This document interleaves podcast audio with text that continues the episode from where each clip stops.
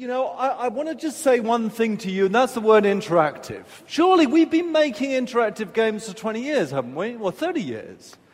Well, no, I don't think we have. Because that thing in our hands, that thing that's evolved in our hands, it got more and more complex, it got more and more buttons, actually has been the biggest barrier to what we want to create. Because what we want to create is a connection to our worlds. And that's what I believe Natal does. And what, if you leave with uh, anything today, then leave with this thought. What designers and what this industry does with Natal will change the landscape of games that we play.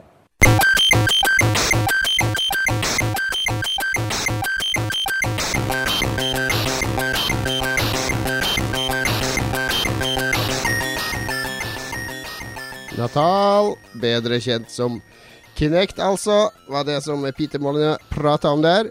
Velkommen til en ny episode av Lolbua. I dag så skal vi mimre, sørge over eller diskutere Kinect. Hva har det vært, og hva kommer det til å bli nå som Microsoft ikke har gjort den obligatorisk lenger til Xbox One? Uh, er dere klar for uh, to timer Kinect-prat, Lars? ja, det er vel en diverse protester på akkurat det. Men eh, vi får kanskje fem minutter til å snakke om noe annet i tillegg til de 1 time og 55 minutter med Kinect. ja, altså meg og Magnus kunne sikkert prata i to døgn om Kinect, kjenner jeg oss rett. Ja, det er, men det gjelder de fleste temaer, Jon Cato. Det er ikke begrensa til Kinect. det gjør kanskje det. Nei, Vi skal prate om mye annet i dag òg, men vi har uh, vi, vi, vi, Er vi forplikta til å ha et tema hver gang? Er det derfor vi har valgt Kinect? Vi begynner jo sånn én time før sending hver gang og lurer på hva temaet skal være. ja, selvfølgelig. Men det er jo fordi vi, vi følger jo ikke med på hva som skjer i verden før vi blir tvunget til det. jeg føler at vi har tema mest for at Magnus skal vite hva han skal ha på illustrasjon. Åssen jeg skal illustrere det. ja, men det er, ikke, det er ikke helt usant, det heller. Hvor er det folk får se en illustrasjon hvis du bare hører podkasten på, eh, på, mobilen din, f.eks.? Så får du ikke se den der eh, splashen, gjør du det, som du snakker om ofte? Nei, da bør de eh, besøke nboss.no. Der ligger alle de fantastiske illustrasjonene til Magnus. Og de er Altså, jeg tuller og tøyser og rakker mye ned på Magnus, men de illustrasjonene er faktisk utrolig bra. Jeg lagde jo illustrasjoner før Magnus kom inn, og de er jo så dårlige nå at jeg vurderer å gå inn og slette alle sammen, fordi de ser skammelig dårlige ut sammenlignet med Magnus sine. Nei, de er ikke så ille. Men du sier nboss.no. Man kan vel gå inn på lolbua.no òg, kan ikke det? Ja, nboss.no, lolbua.no. Det er uh, lolbua.com. Jeg husker ikke om jeg kjøpte den. Det går an å prøve det nå. Jeg tror du gjorde det. Jeg tror du gjorde det. Men vi skal vi skifte over en gang? Er det til E3, kanskje? Får vi til det? Om vi får timer? Og, eh, og liksom at det står Lolbua når man kommer inn på lolbua.no. Det hadde jo vært kult. Ja, jeg får til det så fort du har fått laga den Facebook-gruppa som du fikk i oppdrag å gjøre før påske. Jeg har jobba med det og skal komme med oppdatering når vi snakker om ting vi har gjort i det siste. Meget bra. Vi tar et progress okay. Eh, report, uh, progresjonsmøte på bakrommet etter sending. nei, da, Men vi, har, skal... vi, har, vi må snakke litt om hva vi har gjort i det siste. Og Lars, du har ikke laga Facebook-gruppe i det siste. Hva er det du har gjort? Eh, jeg har jo prøvd å lage Facebook-side, men noen har tatt facebook.com slash lolbua, og vi har en side allerede. Noen har lagd side til oss og oppdatert med link til hver eneste sending frem til tidlig i mai. Jeg tror ikke de har den siste sendinga vår. Kanskje ikke de to siste. Ja, og den sida har to liker, og det er ingen som vet om den i det hele tatt. Så eh, jeg aner ikke hvem som har lagd den. Så noen har kuppa vår greie, eller liksom vært grei, da. Vært hyggelig å, å lage sider. Ja, jeg vet ikke vi... om jeg er lei meg eller bærer akkurat nå. Men eh, vi burde jo få kontakt med den her eh, sjenerøse personen som har laget side, og så kan vi jo se om vi Definitivt. får til et eh, slags samarbeid, eventuelt at vi kan overta den greia der. Vi får se hva vi finner ut. Men eh, den som har lagd den, må gjerne melde seg. Send mail til noen av oss, eller en Twitter-melding eller noe. Så Men uh, tar vi det derfra. OK, OK. Nei, det hørtes jo veldig sjenerøst ut. Spesielt siden jeg ble oppretta i dag, ser jeg her. Ah, ja, jeg prøvde jo å lage i dag, men jeg kom bare til å legge inn ny sidegreie. Så det er jeg som driver og styrer på den der som er oppretta i dag. Den forrige var lagd i april. Ja vel, ja vel. Ja, kjempespennende for alle våre Ja. lyttere å høre om det her, Ja, ja, tenker jeg.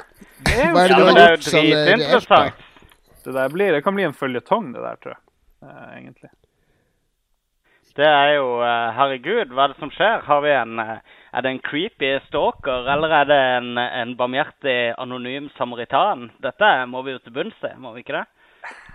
Det var jo ikke så Ja, har... creepy. Det var ingen eh, meldinger, liksom. Og det var bare linker, liksom. Det var kun linker. Ja, men jeg tror vi har et litt sånn innslipp av nye lyttere jevnt og trutt. Fordi det, det, det dukker opp kommentarer på gamle YouTube-videoer, altså ting vi lagde for et halvt år siden eller tre måneder siden, der folk hører på det i dag. Og plutselig kommenterer ting vi sier i de tingene. Eller i de, de opptakene. Mm.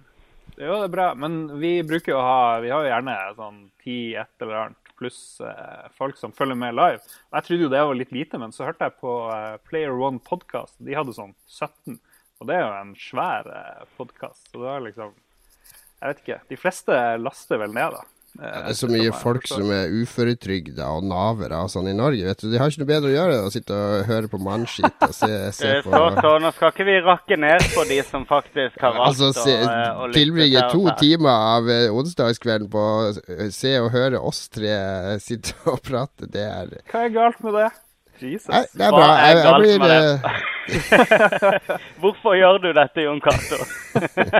Altså, jeg lovte meg sjøl at når jeg skulle lage Lolbua, så skulle jeg være dønn ærlig og ikke gjemme meg bak en uh, salgsfasade. Så uh, Nei da, det er hyggelig. Veldig hyggelig. Jeg ser vi forsvant to stykk der etter den tiraden, så de følte seg sikkert truffet. Alle som hører på oss, er navere. Beklager. Det var er dummeste Det er sånn der- er Frank Zappa når han spilte i Berlin, og han brukte de første 20 minuttene på å skjelle ut publikum og kalte de nazier og sånn. Helt til alle i publikum hadde gått.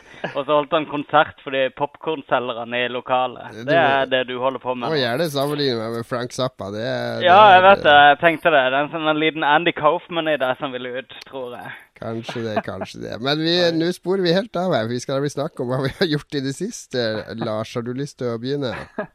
Ja, jeg begynte jo her med Facebook-mysteriet, så um, si fra Ja, hvis noen vet noe om det. Ellers har jeg sett Community, en serie som nå blir lagt ned, eh, som jeg ikke har sett noe av. Men så hørte jeg litt skryt på en annen eh, kjent norsk podkast eh, som vi liker.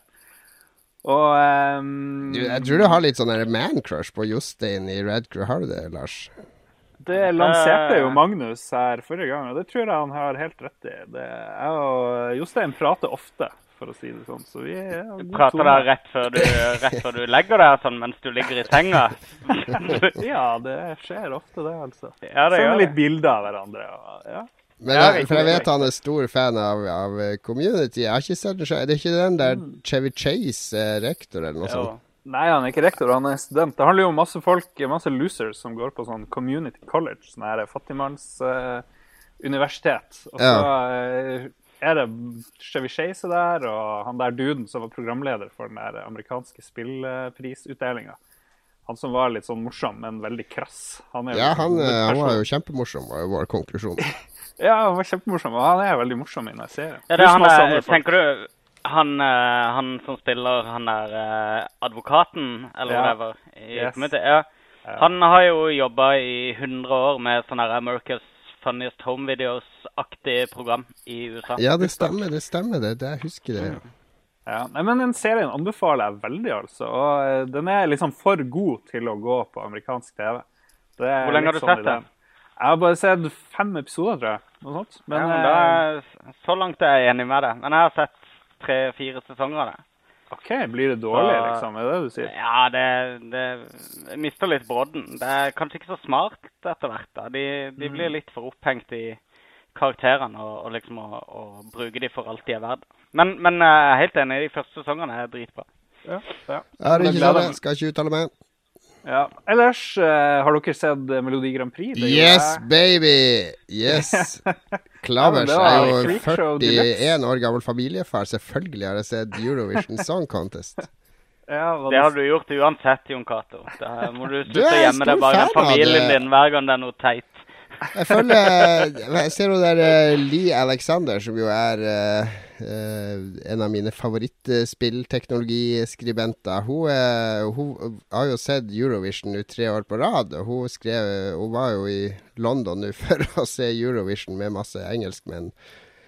Og tvitra masse fra det. Men når du hører amerikanere snakke om det, så blir du litt sånn her stolt av det der idiotien som det er. For det er noe som de aldri kunne fått til der borte. Noe som er Tenk deg det, du har, har 40-50 land som konkurrerer i musikk, og vi, halvparten tar det jo ikke seriøst. Og, og, ingen av oss tar det jo seriøst, men det, hele Europa jo kommer jo sammen i vennskapelig kamp. Det er jo egentlig briljant, er det ikke?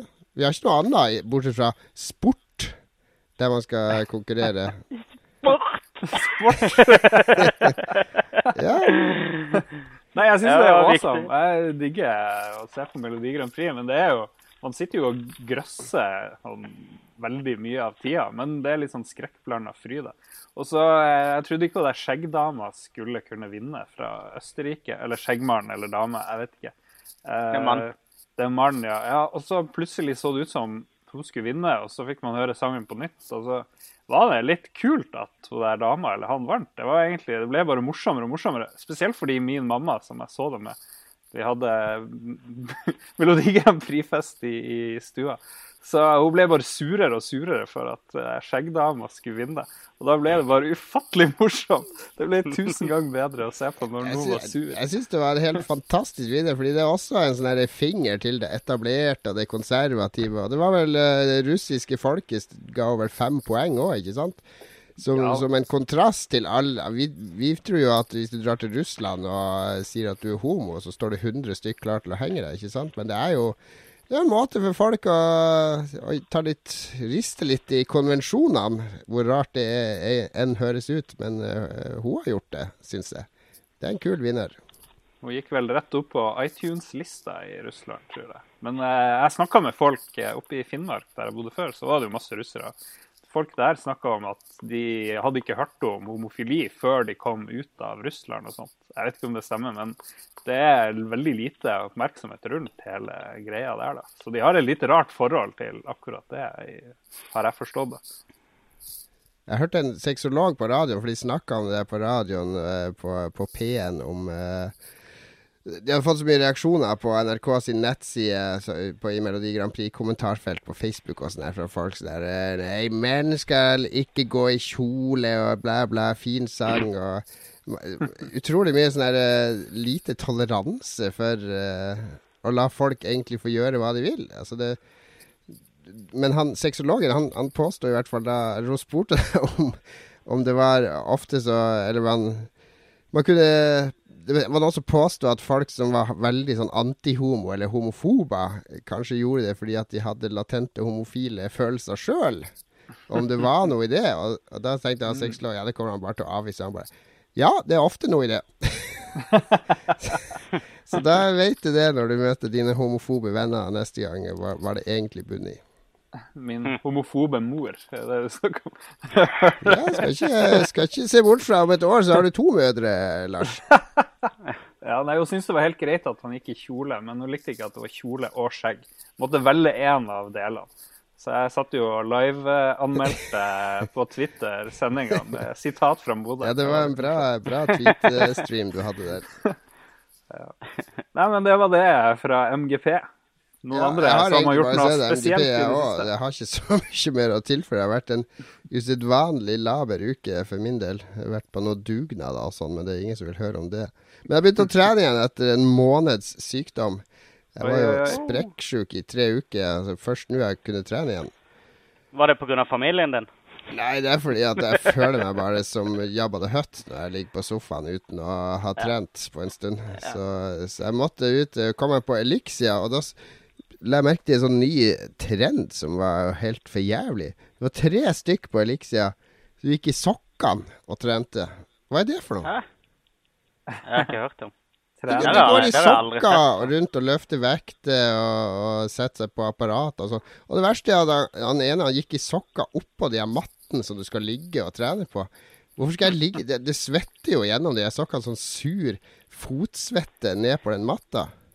Det svetter jo like mye fra den svette T-skjorta di når du legger deg ned på Jo, det er i hvert fall overkroppssvette, det er ikke underfotssvette. Altså, kanskje bare Jeg, er så- jeg er ikke noe glad i tær og tåfis og tåfislukt. Jeg kan godt sitte i den verste driteima, men tåfislukt, det klarer jeg ikke. Da får jeg nesten brekninger.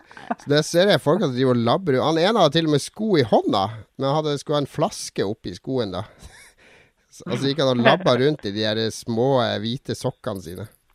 Vi trenger noen i Melodi Grand Prix som går rundt i sokker for å eh, vise, kjøre deres sak frem.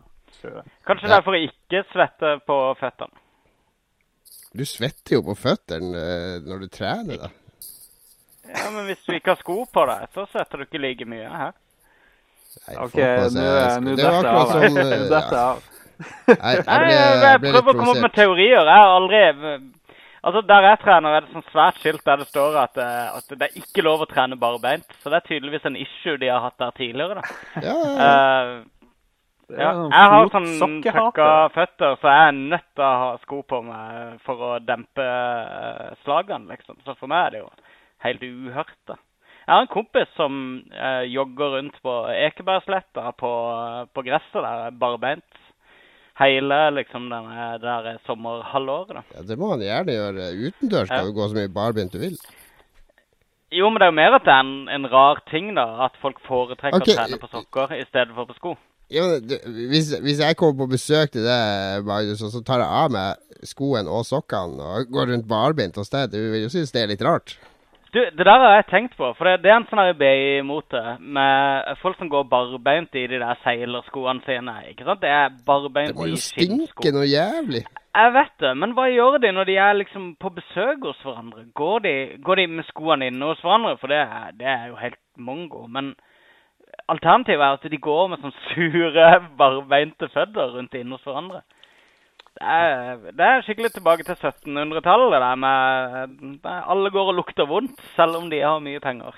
Er Kan vi, kan vi eh, slutte å snakke om sure føtter? Ok, ok. Hva har du gjort i det siste, da, Magnus? Du bare lest, lest, lest, lest, lest, lest, lest. Ja. Jeg sitter mange timer hver dag eh, og leser matte. Og jeg er blitt supersmart i uh, matteøyemed, har jeg oppdaga. Jeg er den eneste jeg kjenner som faktisk eh, som har den innsatsen jeg har nå. Så hvis ikke det blir i hvert fall en B, så, så tror jeg jeg feller ei tåre.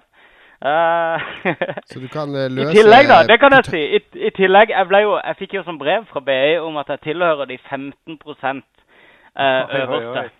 Oi, oi, eh. I, I mitt eh, årskull, da.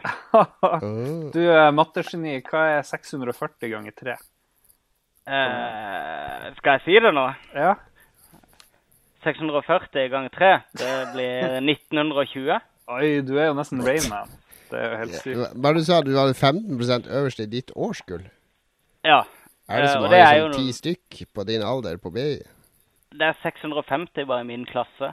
Så det er, og det er vel klasser over hele landet, vil jeg Ja, ja, jeg tror med årskull at du mente det året du var født. Å ja. ja. Så jeg tenkte det var du og Blant tre andre, så yes, jeg Ja, er en ikke av de beste av de fire. Du er i de eh, topp 50 Ja, ok. Det er en annen. Nei, men så Ja, er derfor så imponerende. anmoder Det er det er bra innsats, det. Derfor så anmoda de meg til å søke på jobb som eh, studieveileder, da. Studentveileder. Oi, Så det har jeg faktisk søkt på nå. Det er ganske dårlig betalt, men det er typisk sånn her attestting, da. Ja, ja, ja. Der du driver med sånn leksehjelp og sånn 30-50 timer i halvåret. Når er du ferdig med det kul måte å- For det er jo da vi skal bli rike på Lolbua, når Magnus har all Ja, ja, ja. kompetansen til å gjøre, kommersialisere oss eh, Jeg er ferdig om to år, og eh, da har jeg sikkert sånn her gründergiv. Da har jeg skrevet, skrevet bachelor og setter jeg sikkert i gang med en master, da. Så gir det to år til, da. Fire år til, så, så skal jeg gjøre oss rike. Jeg gleder meg stort. Jeg gjør det. Nei, vi, vi må vel sette i gang med, med ukas uh, eh, Unnskyld, tema. Uh, vi skal jo ta for oss Kinect sin begravelse, vil vel noen kanskje dramatisk nok si at det er. Jeg, jeg tok i hvert fall et sånn hurtigfly til Seattle, og først en taxi ned til Redmond. der Microsoft har sitt hovedkvarter for å lodde stemninga hos Microsoft nå når de endelig har uh, droppa Kinect fra Xbox One. Og hvordan det gikk, kan du høre her.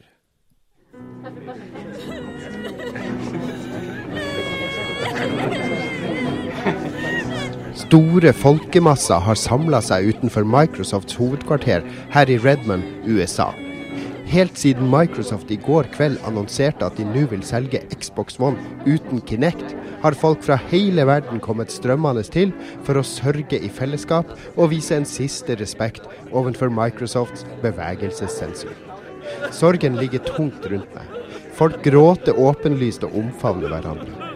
Mange har tatt med seg Kinect-kameraene sine og bundet de rundt halsen og bærer de som et religiøst smykke.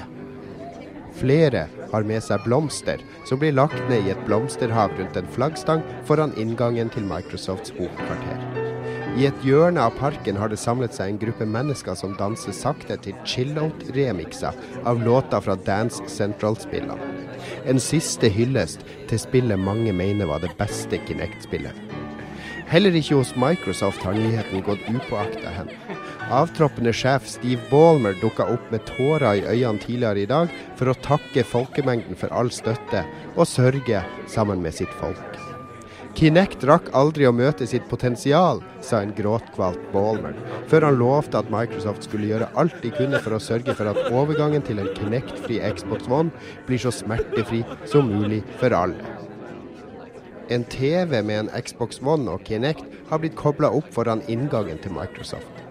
Her prosesserer de sørgende forbi én etter én og tar en liten dans eller tøysete bevegelse foran kamera en siste gang. Det var vondt, men godt samtidig, sa en ung dame vi snakka med etter hennes siste farvel. Hun vinka til kamera, som man pleier å gjøre for å få oppmerksomheten fra Kinect, og hviska 'Xbox, I love you', før sorgen overvelda hun og hun knakk sammen foran kamera. Her i Redmond vil nok sørginga foregå i flere dager. Fra Seattle i USA, for Lolbua, Jon Cato Lorentzen. Uff da. Sånn. Det hørtes, uh, hørtes ut som noe dårlig stemning der, ja. Skal vi ta, har vi, har vi øl alle helt sammen på topp i Redmond, kan du si. Nei, jeg, drikker vann her. ja. Ja, har, du, har du øl, Jon? Skal vi ta en skål for, uh, for Vi Kinect? får vel ta en, eh, en gravøl for Kinect. Takket være vår sponsor Frydenlund. Ja, okay, det, var, det var jo litt uh, satirisk, kanskje, men, men eh, Jeg holdt på Ja. å dø her borte. Det var fantastisk. Veldig bra.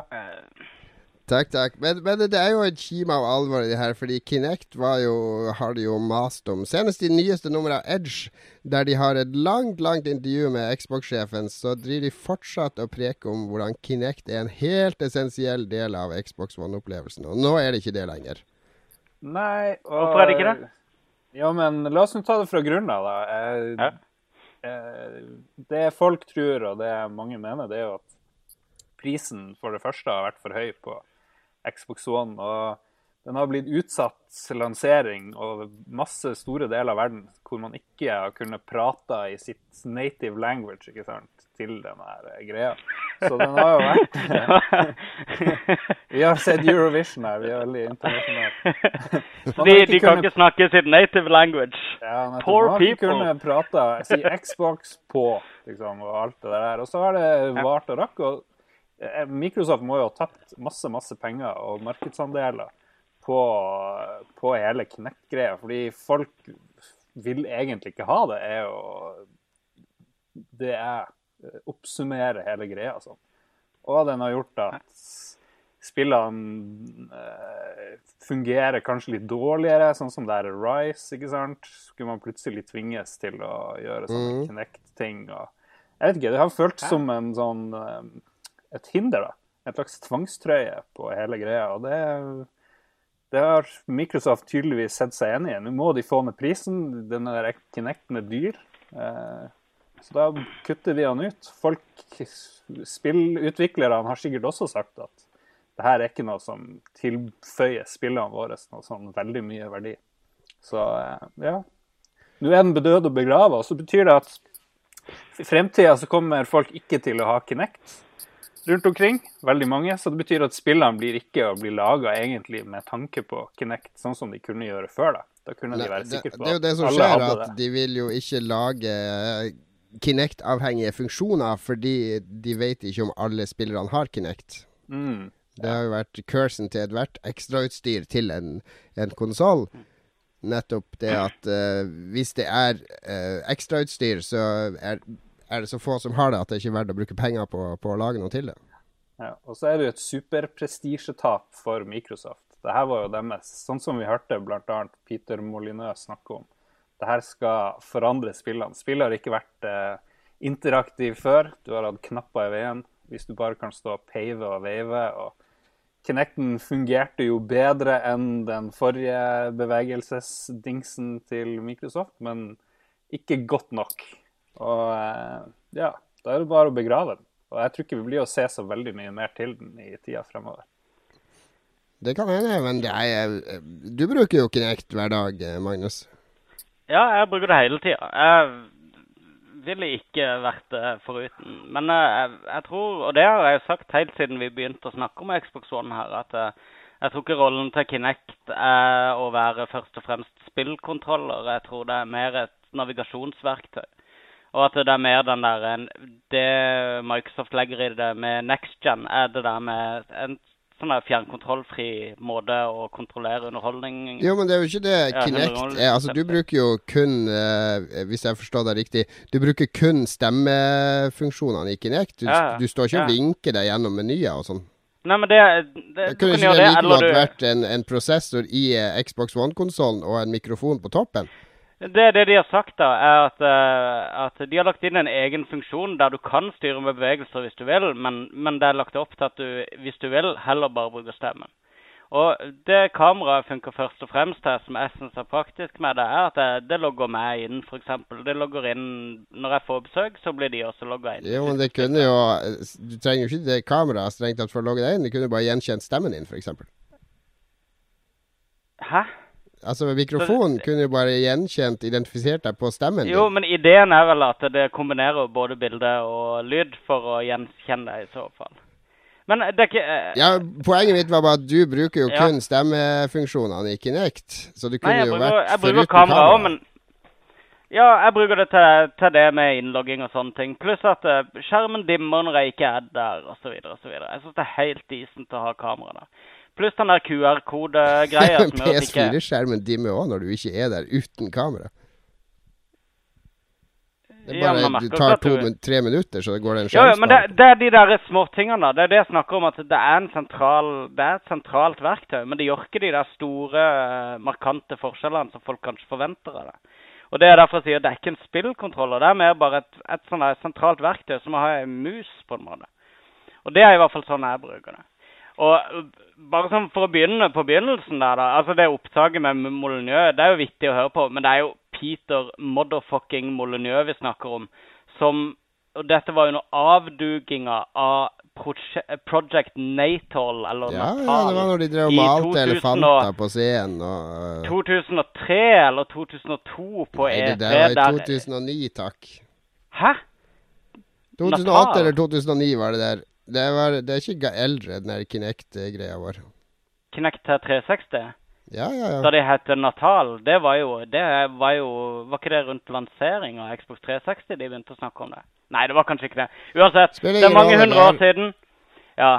Og, men jeg forstår ikke den logikken i at du skal begrave et ekstraverk eller et ekstrautstyr som ikke bøndles med konsollen. Jeg, jeg, jeg ser ikke logikken i det. For det at det, det Ja, du må jo nødvendigvis begrave noe som ingen gidder å lage spill til. Det er jo kun Ja, men- Rare som lager spill til Kinect. Men det er jo på det premisset at eh, Kinect er en spillkontroller, først og fremst. Ja, men Ja, det, er i hvert fall en, ja. det er i hvert fall en, en fordyrende greie. ikke sant? Den koster jo masse masse penger. Og den er er men- tydeligvis ikke verdt det. Så selv om du syns det her er veldig bra, så jeg syns resten av verden, eh, i hvert fall majoriteten, at det her ikke er Men hvem er majoriteten, da? Det, mener du at majoriteten har latt være med å kjøpe Xbox fordi at det er inkludert Kinect? Ja, fordi, fordi det- den ble så dyr. Så da mener du de kunne solgt de kunne solgt mer enn dobbelt så mange konsoller hvis de ikke hadde hatt i Kinect fra dag én? Skal ikke undervurdere pris. Men, Det- men Lars, mer enn dobbelt så mange konsoller?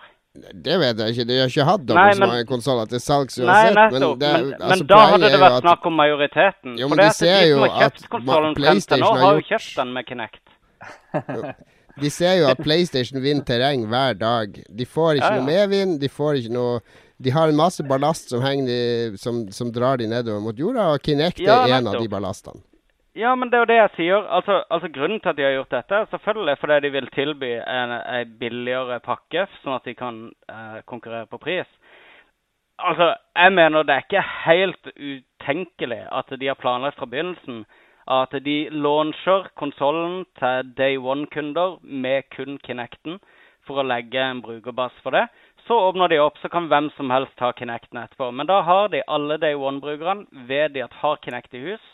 Da har de en installbase Ja, som de men de vet jo også at veldig mange av de, sånn som meg og, og min venn eh, eh, Jimmy og to andre jeg kjenner, vi har ikke engang gidda å koble til Kinecten. Ja, ja, nei, det skjer jo. Selvfølgelig skjer Og det. det har jo Microsoft data på. De vet jo hvor mange som har kobla til. Hvis de ser at Ja, halvparten av brukerne f.eks. ikke bruker Kinect, hva er da vitsen Mm. med å selge noe som de bare pakker ned i en skuff? De la ut uh, brukertall på Kinect sammen med den annonseringa. De var relativt høye, syns jeg. da. Ja, det er godt mulig. Jeg har ikke noe Ja. eh, tall på det. Jeg, ja, det var, jeg tror det var et sånn snittbruk av fire stemmekommandoer per person hver dag. som Ja, jeg prøver mange flere enn det, men han kjenner bare igjen sånn ca. fire av 20 kommandoer jeg gir han. Jeg tror nok det er de som registreres som eh, Eller de som faktisk går gjennom, som registreres.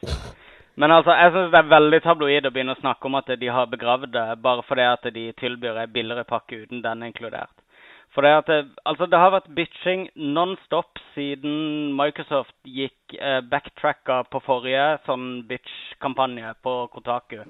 Ja, men, Eh, men så, har det, så har det vært bitcha om at det der Nei, eh, de tvinger på deg det der kameraet. Så fjerner de det. Fordi at de møter popular demand.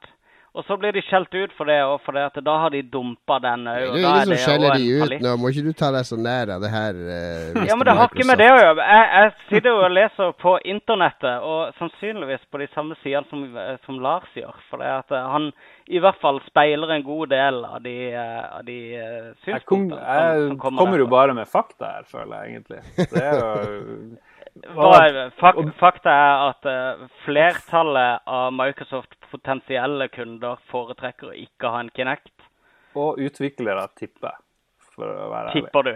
Og det er Ja. det som er fakta, at du Jo, tipper det. det er jo et eh, godt argument er jo at de fjerner den.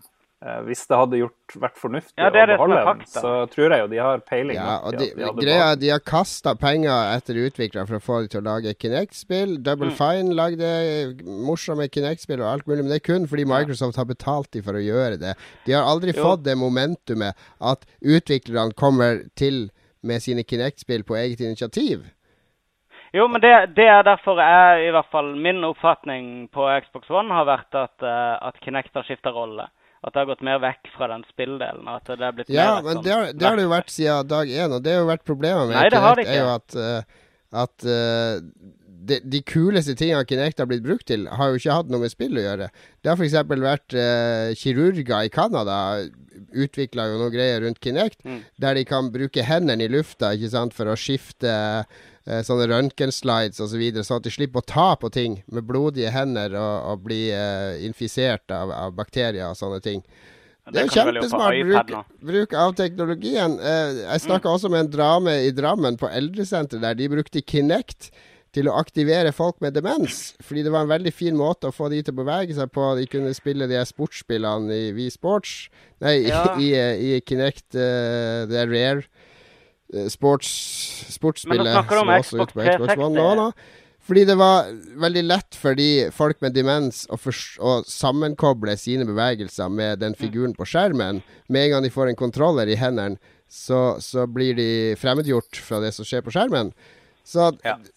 Kinect har masse kule sånn serious uh, games uh, uh, og det var det også snakk om på den Facebook-gruppa Norske spillutviklere i dag.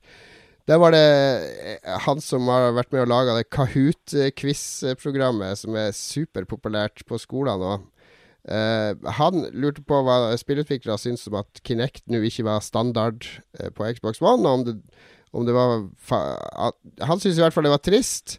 Fordi han så mange sånn serious games og seriøse områder som Kinect kunne brukes på, og trodde at det ikke kom til å bli utforska like mye nå som det ikke var en del av det. Og det er jo nettopp det også som alle gamere Ja, har reagert på, at Kinect har ikke tilført noe til spill. Det har gitt oss en fantastisk spillserie som heter Dance Central, som er som skapt til Kinect, ikke sant? Men alle, ingen andre spill har jo blitt bedre av Kinect. Nei, men du snakker fremdeles om Xbox 360, og du snakker fremdeles om spillkontrolleren Kinect. Jo, Og men det er det er ikke, er ikke problemet til Microsoft at de har fremmedgjort alle gamerne som skal kjøpe maskinen deres? Fordi gamerne vil ikke ha Kinect. Jo, men altså uh, Nei. Say it. Det er det vel it. ikke. Nei. Nei, jeg prøver bare å, å høre på hva du sier. For du argumenterer fremdeles for at uh, Microsoft sin eh, Kinect-satsing er død på spillsatsinga. Fordi at uh, spillutviklerne utvikler kun Uh, spill til Xbox 360 Kinect når de fikk betalt for det for mange år siden. Og de på eldrehjemmet bruker Xbox 360 Kinect til å eh, k- eh, Ok, si kombinere noe Nå meget kommer kule- til poeng, si- Magnus. Si noen Ja, nye for det- kule spill til Kinect, da. De har jo Ja, men er det Nei. ingen som hører på poenget mitt her? Jeg sier, det jeg sier er at på Xbox One så har ikke Kinect rollen som en spillkontroll i samme, i samme eh, eh, Nei, størrelse det da, er som et, det det hadde. et nytt Fokuset- grensesnitt. Ja. Ja, riktig. Og Men da det trenger man jo der- bare en mikrofon, egentlig. da. Hva sier du? da Det er en mikrofon. skulle bare hatt en mikrofon i Ja, riktig, men det har, de har muligheter til å gjøre ting med kameradelen òg. Men klart, klart at det, uh, sånn det funker i dag, så er det stemmen for min del som funker best.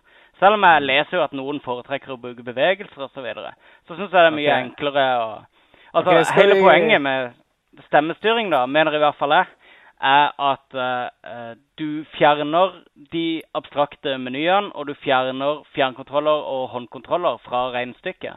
Og du kan rett og slett bare si hva du vil at maskinen skal gjøre for deg. Og når det funker, Jon Cato, så er det men- mye men- enklere. Ja. Jo, men, men da maskinen da er vi- ikke smart nok i dag til å skjønne min kommunikasjon med den, er jo problemet mitt. Men, ja, men det er jo du også som har problemer med å kommunisere med den.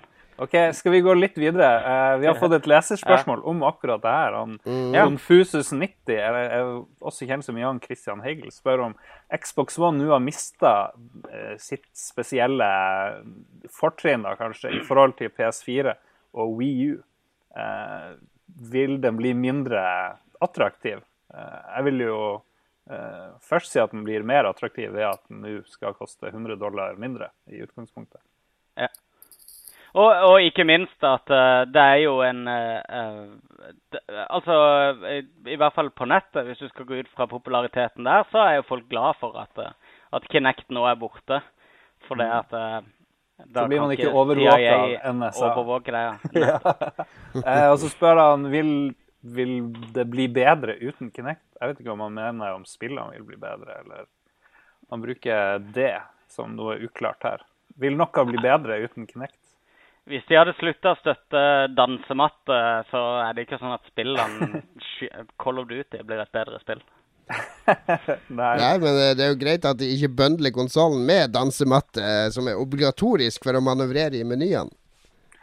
Eh, er men de- men nå kommer de da til å Og så kommer de til å redesigne menyene sine for kontroll. Ja, det syns jeg er fantastisk, for jeg, jeg skjønner ingenting av de menyene. Hva er det du ikke får eh, Dette har vi snakket om For det mange første så skjønner jeg ikke hvem, hvem det var som fant opp at det mest naturlige er å scrolle sidelengs. Vi har da scrolla opp eh, nedover siden eh, datamaskinene først ble oppfunnet. Hvorfor skal Ja, man men plutselig bli begynne å jo- scrolle til høyre? Det er jo sånn alle E-magasiner fungerer òg, da. Når du leser Edge på iPaden din, åssen blar du da? Da blar du frem og tilbake, og så nedover. Ikke sant? Jeg klikker på Ok, next page. Okay. Uh, en Nei, annen du- greie Du drar til venstre og høyre. Nei, men jeg synes de, de menyene minner meg om Windows 8. Jeg vet at du elsker Windows 8, Magnus, men jeg klarer Nei, ikke å finne frem nei, nei, men- Jeg klarer ikke å finne hvor jeg kan se hvilke spill blir lasta ned. Jeg klarer ikke å finne hvilke spill eller programmer som er installert. Jeg, jeg syns det er utrolig uhyre uintuitivt å finne frem i Xbox One-menyene. Hva syns du, Lars? Nei, jeg bare fikk et lite spørsmål til deg, Jon. Du har jo redesigna din iPhone, har du ikke det? Fra å, til å scrolle mot høyre på skjermene, så har du gjort sånn at man kan scrolle nedover. Er det ikke sånn du har gjort det? Du har hacka Nei, det har jeg ikke. Og har du ikke det? å- Nei, men der har jeg full frihet til å legge hva jeg vil på de forskjellige sidene bortover. Sånn at jeg kan ha spill på én side, jeg kan ha musikkprogrammer på én side osv. Eh, på, på Xbox One så har jeg til venstre noe som heter pins, der ting jeg pinner ligger hulter til bulter. Jeg klarer ikke å stokke om på det, eller sortere det, eller legge det i mappe, eller noe. Altså, det, det er ikke laga for at jeg skal Det er jo laga for å vise annonser her og der og opp og ned i mente, og at Microsoft skal kunne fronte Folk skal kunne betale for å fronte innhold til brukerne. Men, det er jo det som er problemet vet, med vet du hvordan det fungerer, Jon Cato? Vet, vet du åssen hva de tre sidene heter? For det, Ja, det, det midten, første er uh, kaos med ting og tang. Altså til venstre ja, er så er det mine pins. Og Men så hva er til høyre kaoset så er det butikken. Skal jeg si hva det kaos er? Det er, de programmene, det er alle de programmene du brukte sist. er det det? Yes, Ok, De dukker opp der. Er Og så de med du har lyst til å ha evig tilgang på, de legger du inn på pins på venstre side. På høyre side så okay, har du games men jeg kan ikke konfigurere det sånn som jeg sjøl vil. Det som er mitt poeng. Jeg syns, Nei, jeg, jeg syns alltid at PlayStation 3 var mye verre å finne fram på enn eh, Xbox 360. Men det er helt motsatt på Xbox One og PS4. På PS4 så legger han absolutt alle spillene du installerer på ei rekke fremover. Ja, alle apper, alle spill. Det er jo Jeg har liksom Netflix, og så har jeg et spill, og så har jeg et annet, en annen app, og så har jeg et annet spill. Og Du så må jeg bla, bla, bla, bla. Hva er sier du? Du er skikkelig dritsur i dag. Nei, men det, Jon Cato er så ufattelig Han er sånn Jeg skjønner ikke hva jeg skal gjøre! Jeg skjønner ikke hva jeg skal Men gjøre! det er ikke intuitivt. OK, uh, Xbox Det, One det er intuitivt, selv om ikke du forstår Oh det, Jon Cato, var mitt poeng. Eh, ok, Xbox One kan yte 10% mer på ikke-Kinect-spill. Er det noe som vil gjøre at vi plutselig får uh, likhet mellom PS4 og Xbox One-spill, endelig? Ja, Da må du vært- forutsette at folk plugger ut Kinecten sin for å spille, da. Det blir ikke du å gjøre. Du blir, å ta, du blir like ha 1080p 60 frames. Du vil ha Men, men 30 frames 900p med Kinect. Men hvordan skal det funke i praksis? At, eh, skal det stå at eh, plugg ut Kinect nå? Nei, men Det er vel ikke at du skal plugge ut, men at den ikke skal Nei, vet du hva, for å være ærlig, jeg vet ikke. Jeg tror det er bullshit, Nei. egentlig. Ja, Ja, jeg syns òg det høres litt sånn eh, Jeg leste om det der jeg også tidligere, men det er liksom ingen som har spesifisert noe mer enn Det det. er nok bare tull. Altså Problemet til Microsoft nå er at nå dropper de det eneste som uh, var igjen, som, som var forskjellen på Xbox One og PS4. Så når du dropper det, så er det eneste som står igjen med en maskin som er dårligere enn PS4, liksom. Der alle spill som kjører på begge maskinene, kjører litt dårligere på, på Xbox One. Uh, jeg tror jo at Microsoft eh, nå jeg, jeg tror at de satsa på Xbox One som en multimediamaskin. De hadde en masse stemmer fra ulike avdelinger i Microsoft som uh, ikke ville at det skulle være en ren spillmaskin. Nå skulle de gjøre den gigasvær, snike den inn som en underholdningsmaskin. Og så ser de nå at det her har backfira. Den flyr ikke ut av hyllen, hyllen sånn som de hadde forventa. Utrolig kostbart å drive og, og legge inn all den stemmegjenkjenninga i alle mulige territorier. Uh, det betaler seg ikke sånn som de hadde forventa, og de taper terreng til Sony. Hva gjør vi nå? Jo, vi kutter Kinect. Så gjør vi den til mer reindyrka spillmaskin, sånn som fansen vil ha. Og så prøver vi å vinne deres gunst tilbake. Og hvordan skal de gjøre det? Jo, da må de opp med pengeboka og begynne å kjøpe alle de eksklusivene som de har gjort i ti år. Begynne å få GTA-DLC eksklusivt osv. Jeg tror de har snudd og gått tilbake til det nå, for de har sett at her, de har stanga i veggen nå i ett år. De, de ja, De har jo egentlig Den der eh, multimediasatsinga er jo samme feilen som Sony gjorde med PS3 i begynnelsen. Så det med at de eh, Det var jo det PS3 også skulle bli. En multimediamaskin. Og det holdt jo på å knekke hele Sony. For det, for, og det var, eh, problemet der var jo at eh, underholdningsavdelinga, den brunevareavdelinga, fikk altfor mye makt over utforminga av PlayStation. Og, ikke, og spilleavdelinga hadde ingenting de skulle ha sagt, nesten. Så da, da ble det det der. Og da ble det jo litt sånn kamel, hele greia. Det ble det. Eh, Men jeg tror jo det her vil ha noe spesielt å si. Kommer eh, Xbox One til å styrke sin posisjon? Jeg håper jo bare at den blir lansert i Norge fortere enn i september. Eller kommer de til å holde på planen sin med å ha norsk talegjenkjenning? Ja, men det er vel ikke bare derfor den er utsatt? Tror du ikke eller? de har droppa den norske talegjenkjenninga nå?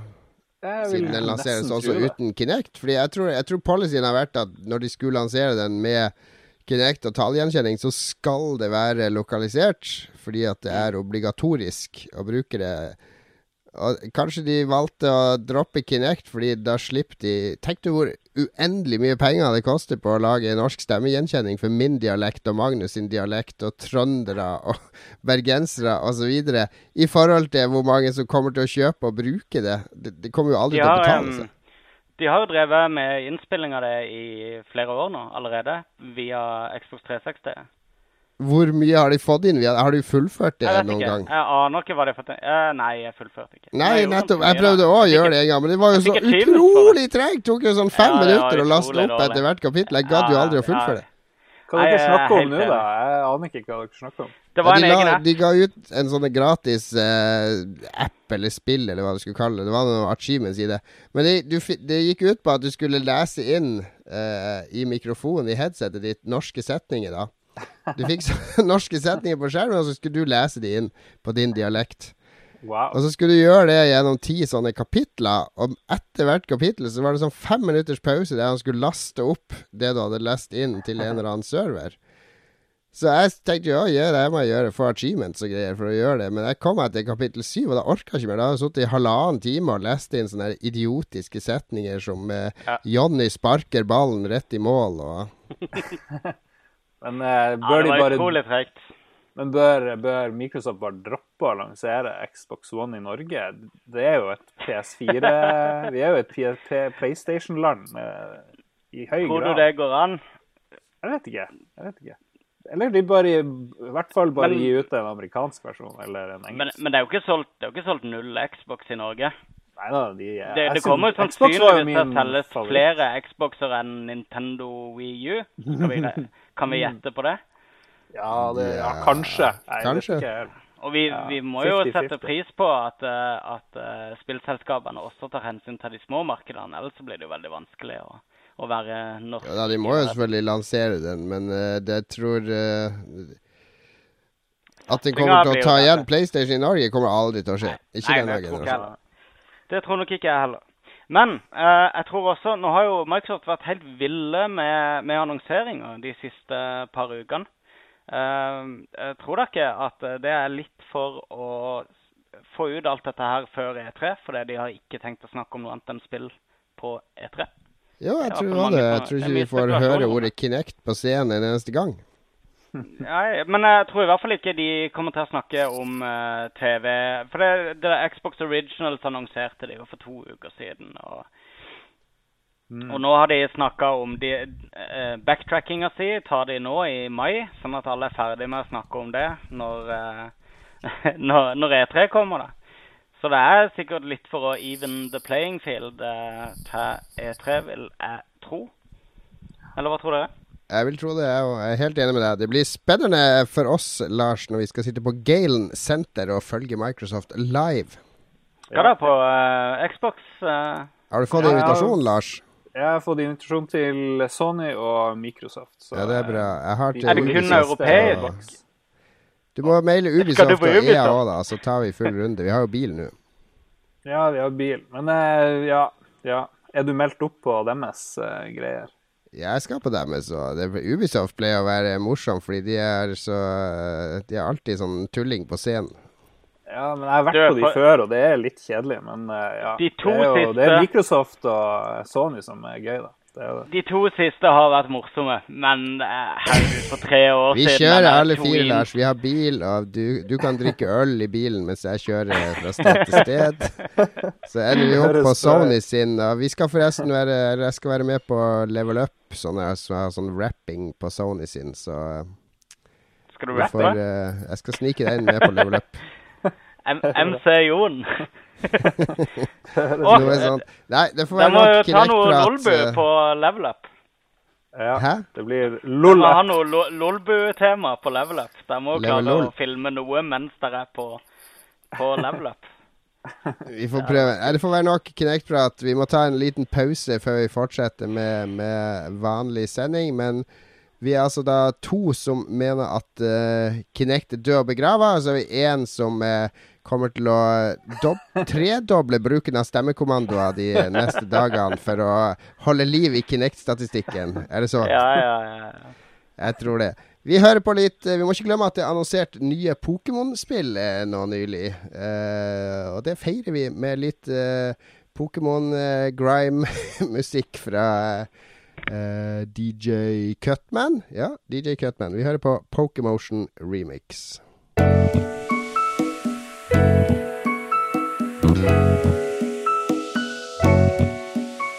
Det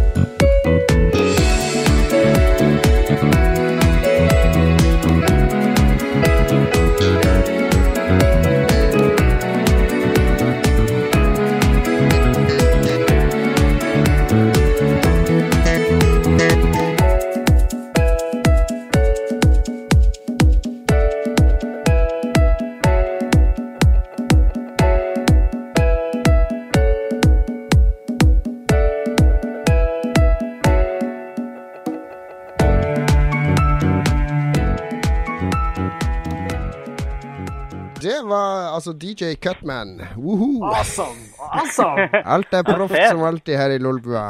Litt for lang, eh, den sangen da. Ja, ganske lang. ganske lang. Ja. Men, men, vi overlever det. Vi skal over til uh, Vi har litt uh, Vi har ikke noe lesespørsmål, bortsett fra det vi fikk fra vår trofaste lytter om Kinect. Derfor har vi pøst på med litt nyheter, for nå det er pre-etre nå, og da er det mye spillnyheter som flyr rundt i uh, atmosfæren. Og Magnus, er du klar for uh, lese nyheter? Alltid klar.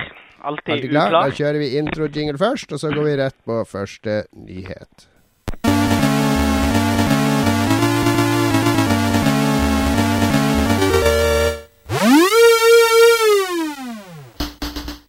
Bergsala har annonsert at Mario Kart 8-tilbudet, hvor alle som kjøper Mario Kart 8 kan få en digital versjon av et Nintendo-spill til Wii U, også vil gjelde i Norge. Det betyr at Mario Kart 8-kunder kan velge mellom spill som Pikmin 3, Wonderful 101, Monster Hunter 3 Ultimate, New Super Mario Bros. U og et par til når de kjøper Mario Kart 8.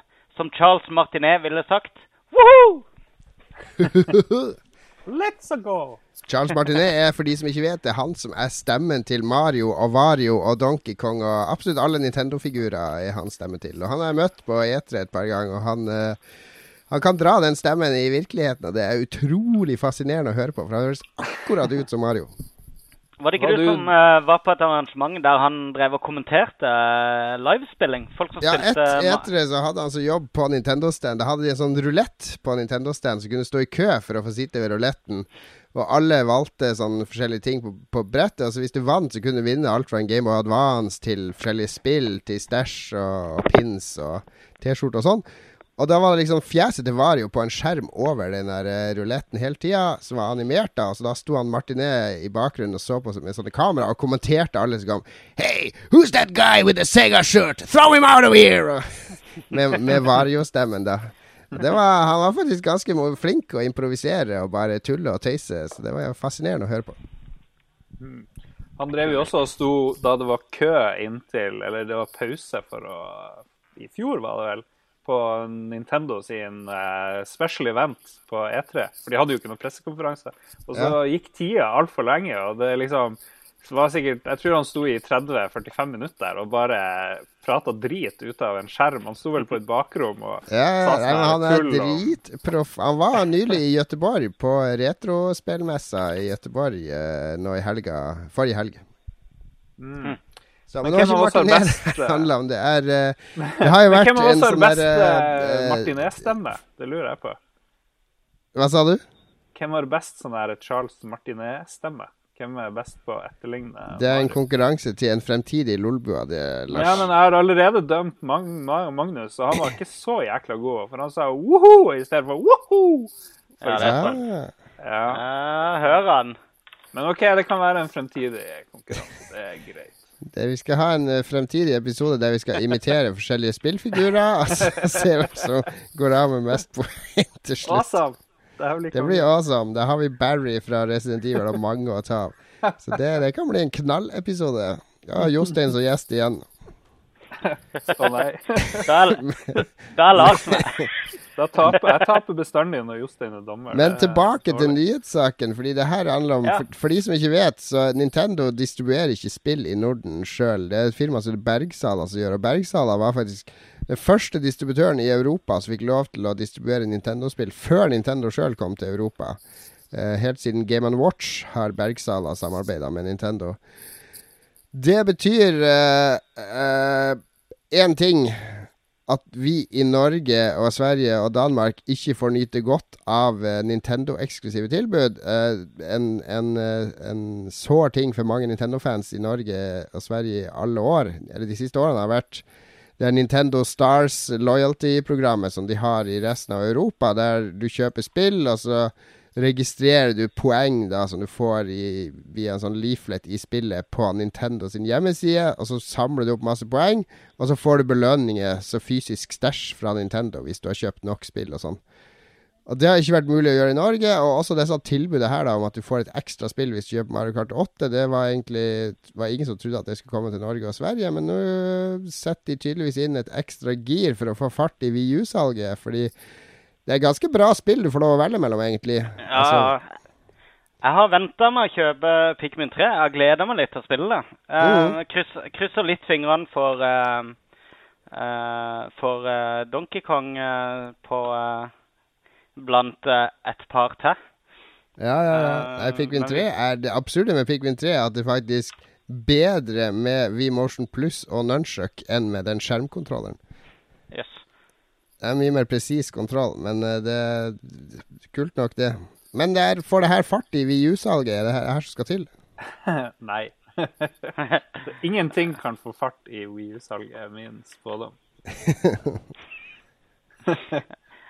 Er det noen som har noen argumenter mot det?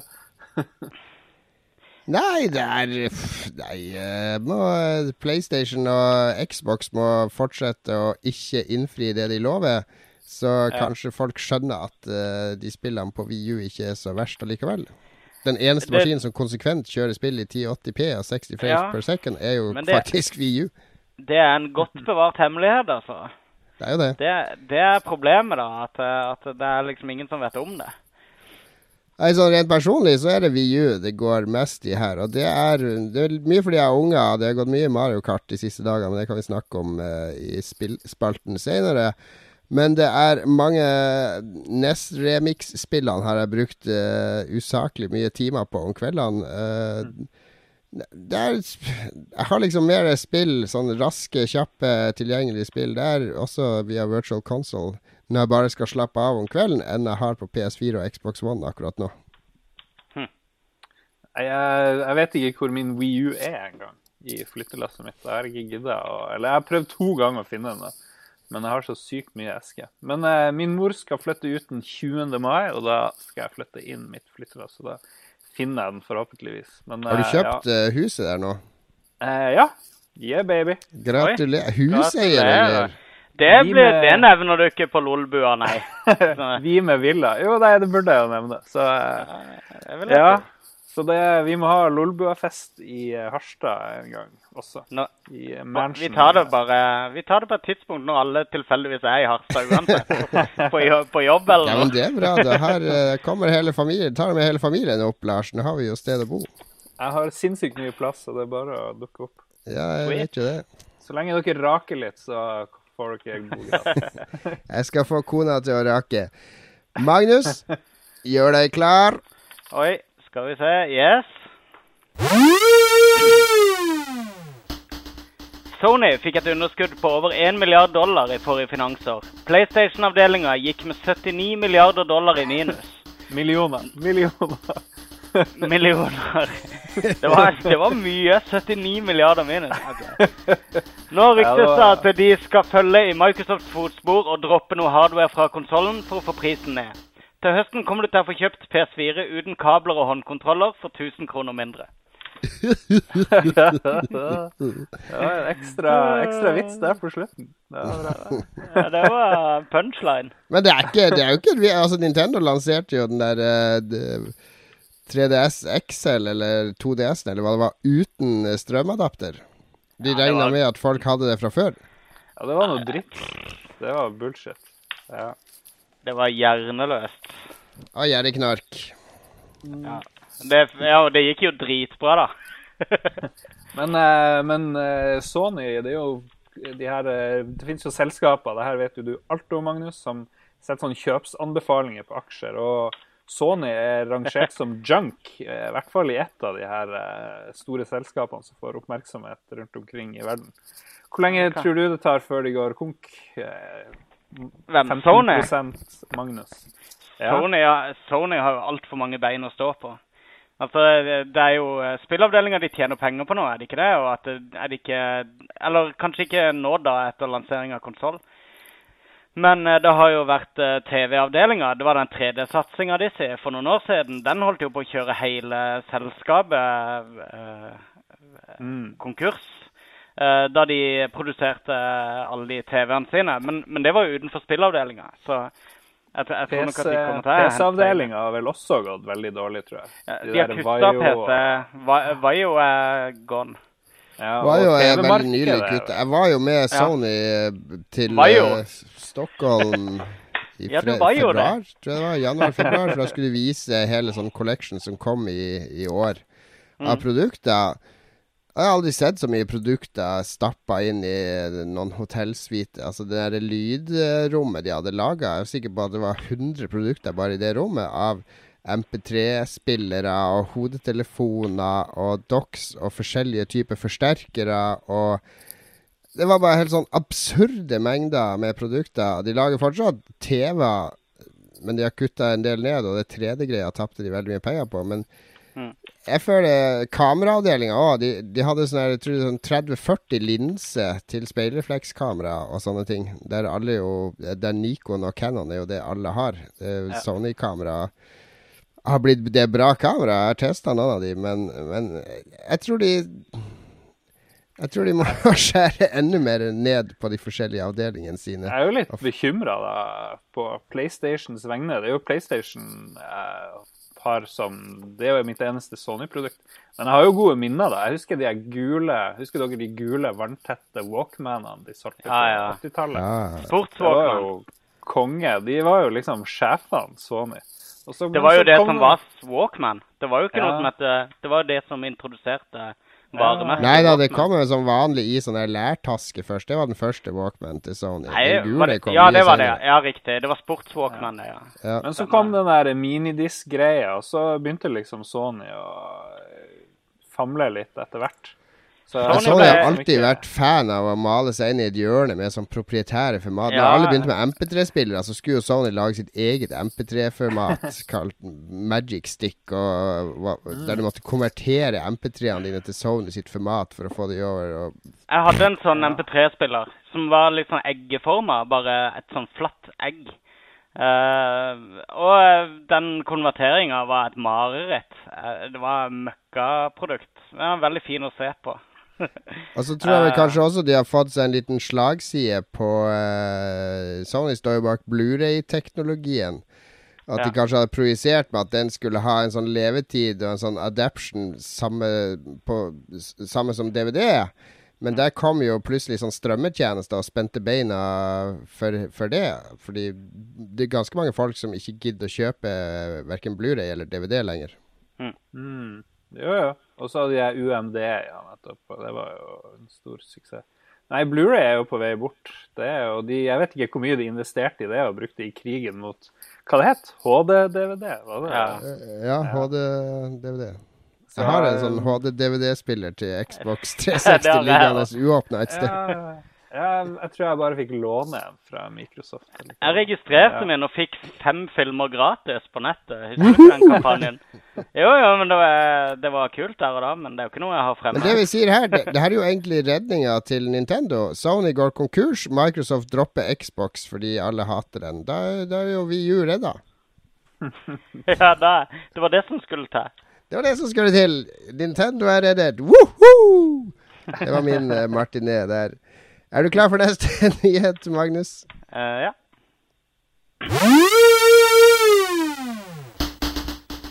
Digitalt salg står for 60% av spillomsetninga i Norge. Vi kjøpte spill for 1,8 milliarder kroner i 2013.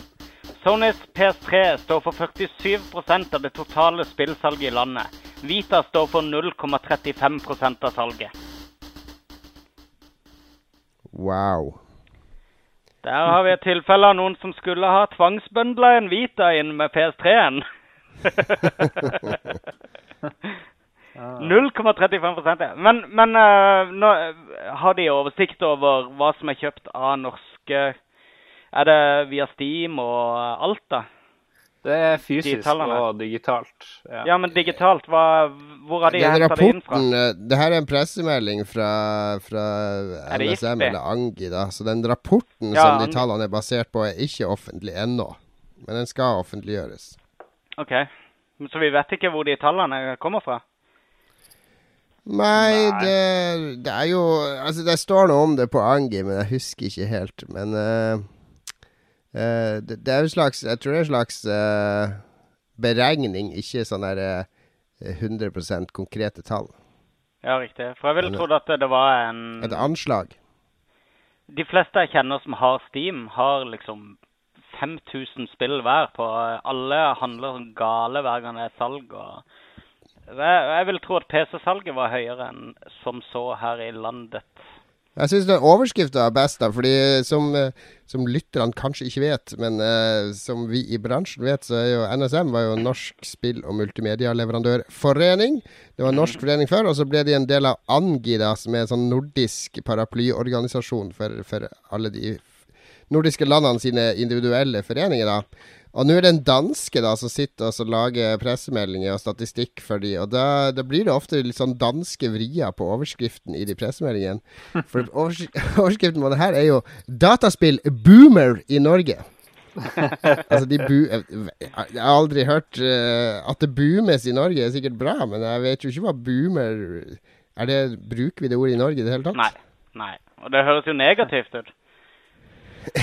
ja, det bomber, tenker jeg på. Ja, ja det, det, det var ikke et godt norsk ord. Nei, boomer er jo dansk. Men det er veldig morsom ordlegging i den pressemeldinga. Det er sånn Nye tall fra NSM viser at nordmenn kjøper dataspill som aldri før! I 2013. Og det er jo fordi at de har tatt med tall for digitalt salg, som ikke har vært med før. Så selvfølgelig går jo salget opp. Ja, det er riktig. Som aldri før. Altså 340 millioner av de salgene der er, eh, er mobil, mobilspill, eh, fant jeg ut. Uh, er det det, ja? Ja. Og jeg vet ikke om Steam er med, for det står at en stor del av det digitale spillsalget foregår via mikrotransaksjoner, hvor spillerne kjøper nytt innhold til spillene sine online. Selve spillet kjøpes som regel i fysisk form i butikkene. Det høres ikke ut som det er Steam inkludert, da. Nei, det er det jeg tenker på. Altså hva, hva, hva sa du? Hva var kjøpt? Er det kjøpt i butikk, de digitale? Ja, altså, de skriver selve spillet kjøpes som regel i fysisk form i butikkene, og så lastes det ned ekstrainnhold via nettet, og det er det jeg tror de har som grunnlag for det digitale salget. Jeg Og ikke det. fremdeles var- er 60% Da bruker altså 40% på å kjøpe spillene og 60% på å kjøpe tilleggspakker. Nei, Det høres nei, rart nei, ut. nei. Ja. Det, det går ikke. Men det var diskusjon om denne saken på gamer.no, hvor folk drev og var forvirra på det der. Så det, den pressemeldinga gir ikke helt uh, Nei, den er jo bare rot. Vi må, vi må gi shata til til PCNerd6, som skriver på YouTube at han hører på, eller følger Lolbua for første gang. Jeg liker Ja. navnet PC-nerd. Så vi må jo bare beklage at vi snakker lite om PC, da, egentlig. Eh, generelt. Ja, men det, jeg tror det er i mangel av fellesnevner, egentlig, med akkurat det med PC. Jeg spiller mye PC. Eller har i hvert fall gjort. Du har jo ikke spilt et eneste spill de siste fem ukene. Nei, men Jeg jeg, spiller PC, jeg òg. Du, har, har du ikke lest i sendeskjemaet her? En, Ok, to, ok. I morgen, I morgen får jeg Steam-kode på et spill som begynner på Wolf og slutter på Stein, som jeg skal spille på PC. Er det Wolf Say no more! more! Wolfenstein. Wolf Motherstein, det er det spillet om det her bandet. Det blir bra. Ja, ja, det er det. Cool. Er vi, har vi flere nyheter? Uh, ja, har vi ikke det? Uh, jo, det har vi. Jammen har vi ikke ikke det. Da sitter Magnus klar, vet du. Det er full forvirring rundt Watchdogs uh, sine next gen-meritter. Eh, Sony har hevda på sin offisielle blogg at den eneste skikkelige next gen-opplevelsen av Watchdogs foregår på PS4 i 1080p og 60 frames per second. Det er noe annet enn Ubisoft hevder. De sier nemlig at PS4-utgaven vil kjøre i 900p med 30 FPS. Next gen er med andre ord utsatt til neste generasjon med konsoller dukker opp. Oi, oi, oi. Det er jo ikke Men, bare det eh, som har vært om Watchdogs. Det ble også gitt ut et sånn skjema med oversikt over alle utgavene av Watchdogs, avhengig av hvilke forhåndsbestillingsschemes du går med på, og hva du får av ekstrainnhold uh, til spillet.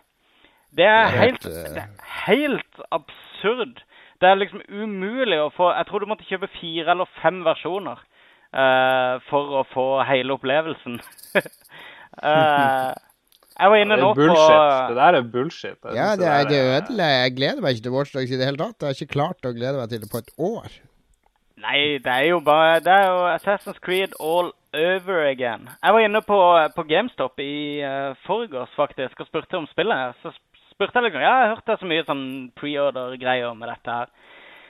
Så eh, ja, da har vi denne disken. Får du med eh, ekstrautstyr ekstra utstyr og koder og alt sånt her. Hvis du preordrer PS4, så har vi denne til PS3, og så har vi denne til Xbox One, og så har vi denne til PC.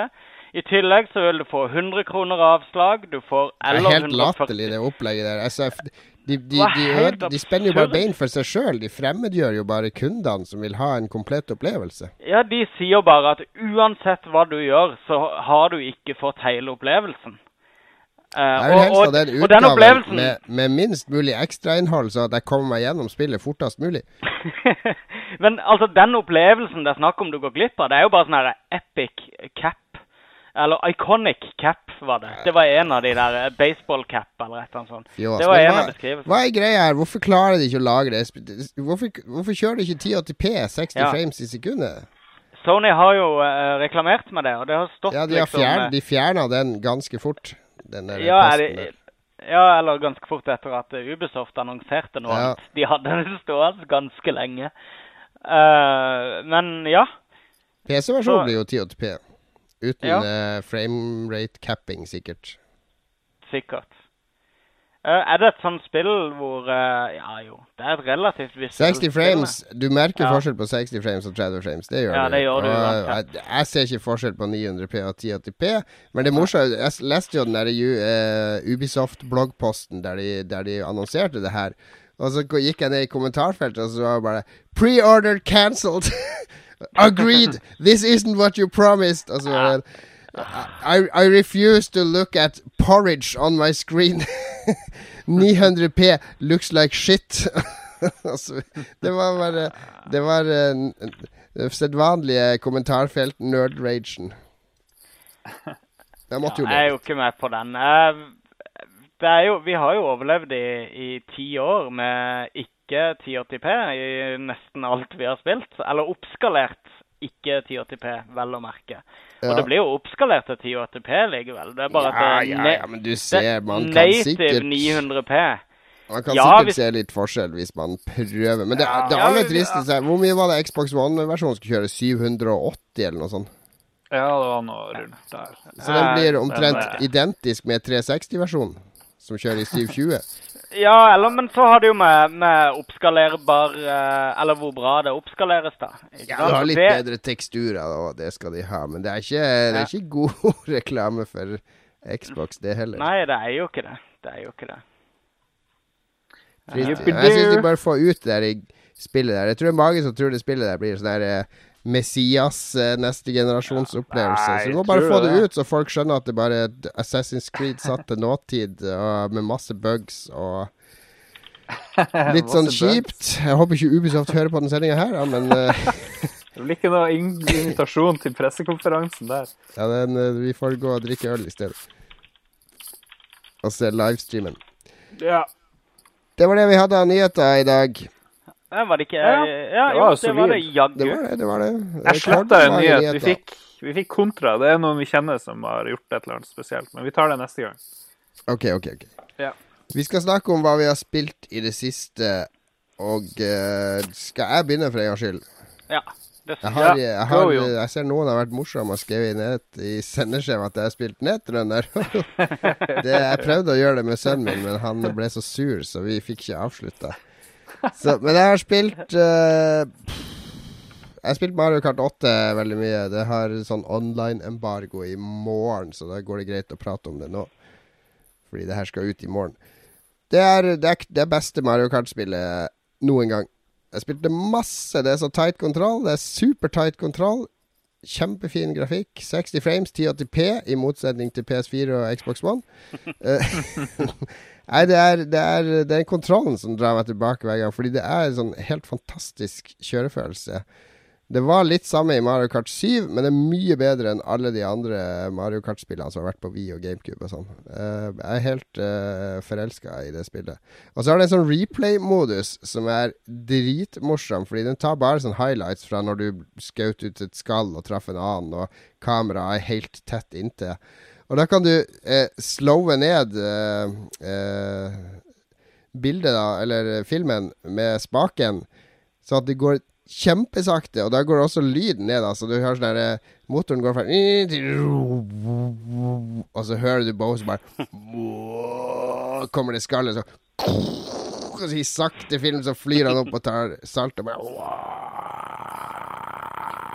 Og det ser akkurat like bra ut som det høres ut når jeg beskriver det med lyder. Fordi det å se de, de der teite tegnefilmfigurene krasje i bananskall og drite seg ut i sakte film, de er så fint animerte, og de kikker på hverandre. Når en bil kjører forbi, så ser de på den andre bilen og sånn. Så det ser skikkelig tegnefilm ut. Og det satt lenge sammen med Trym på fem og bare bremsa spillet ned til sakte film i de replayene for å se spektakulære forbikjøringer sånn. Med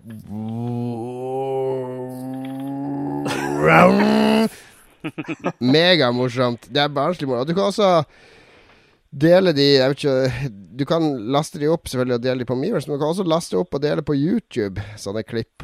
Og, Oi, og så har det oi, oi. hele den der Ghost-funksjonen fra, fra eh, Trials. Med at du Mm. kan se hvordan vennene dine gjør det på time trials på sånne baner. Og det er lasta ned noen spøkelser og kjørt mot de. Og den kontrollen er så tight at det der er akkurat like morsomt som det var på Super Nintendo-versjonen, der jeg og vår venn Tore drev og kjørte en del og prøvde å ta hverandre sine rekorder. Men Mm. en gyllen regel om Tore er du slår aldri Tore i bilspill uansett. Ja, men Fordi det da slår han det, er eller fordi han er flink? Jeg tror det er terpe, terpe, terpe, terpe, terpe, terpe til han har tatt inn alle hundredeler og tideler. Han er sånn trials-spiller, er han ikke det? Ja, Han han, han, på flink. trials har han jo Ja. ligget på topp 1000 på flere av leaderboardene, sånn worldwide. Ja, riktig. Han lå høyere opp enn det. Vi lå jo på sånn rundt topp 50 i starten av det første trials der, husker jeg. Ja, Flere mulig, mulig. Men, eh, men det er jo synd Apropos, må jeg bare si litt om trials. Jeg snakka med Tore om det, og han hater det nye trials. For han mente det var altfor mye fjas. For du kan gjøre Det er for mye fjas. Det, Firhjuling og Så det, puristene liker ikke det i det hele tatt. Men la meg eh, nevne et spill til, fordi jeg lasta ned et IOS Android-spill fra i fjor som heter The Silent Age. Det er et pek og klikk-eventyr. Mm. Bra. Magnus. Det er gratis. Silent Age.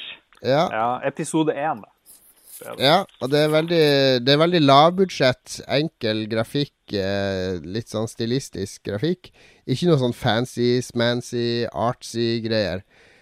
Men utrolig behagelig, stemningsfullt eh, Ja, klikk-eventyr der- med sånne enkle puzzles der du må eh, finne et sverd for å kutte et tau. Og, Mhm. Og eh, jeg syns det funka veldig bra for akkurat det det var. Jeg syns det var litt kjedelig. Det var greia mi med det spillet. Litt Ja, kjedelig. Jeg, jeg liker ikke å stå fast, så det, det sto aldri fast. Nei, det, vi har jo internett, kjære venn. Ja, det er juks. Det er juks. Gå videre, Magnus. Hva har du Du er på Wildstar-kjøret midt i eksamenstida. Ikke noe kjør i det hele tatt. Jeg var litt, jeg var litt nervøs da jeg fikk den mailen om at uh, nå er det ti dager med åpen beta med Wildstar, og uh, jeg har eksamen på onsdag. Så jeg var litt nervøs, skal jeg innrømme. For jeg var jo ekstatisk etter å ha testa spillet opprinnelig. Uh, Ja.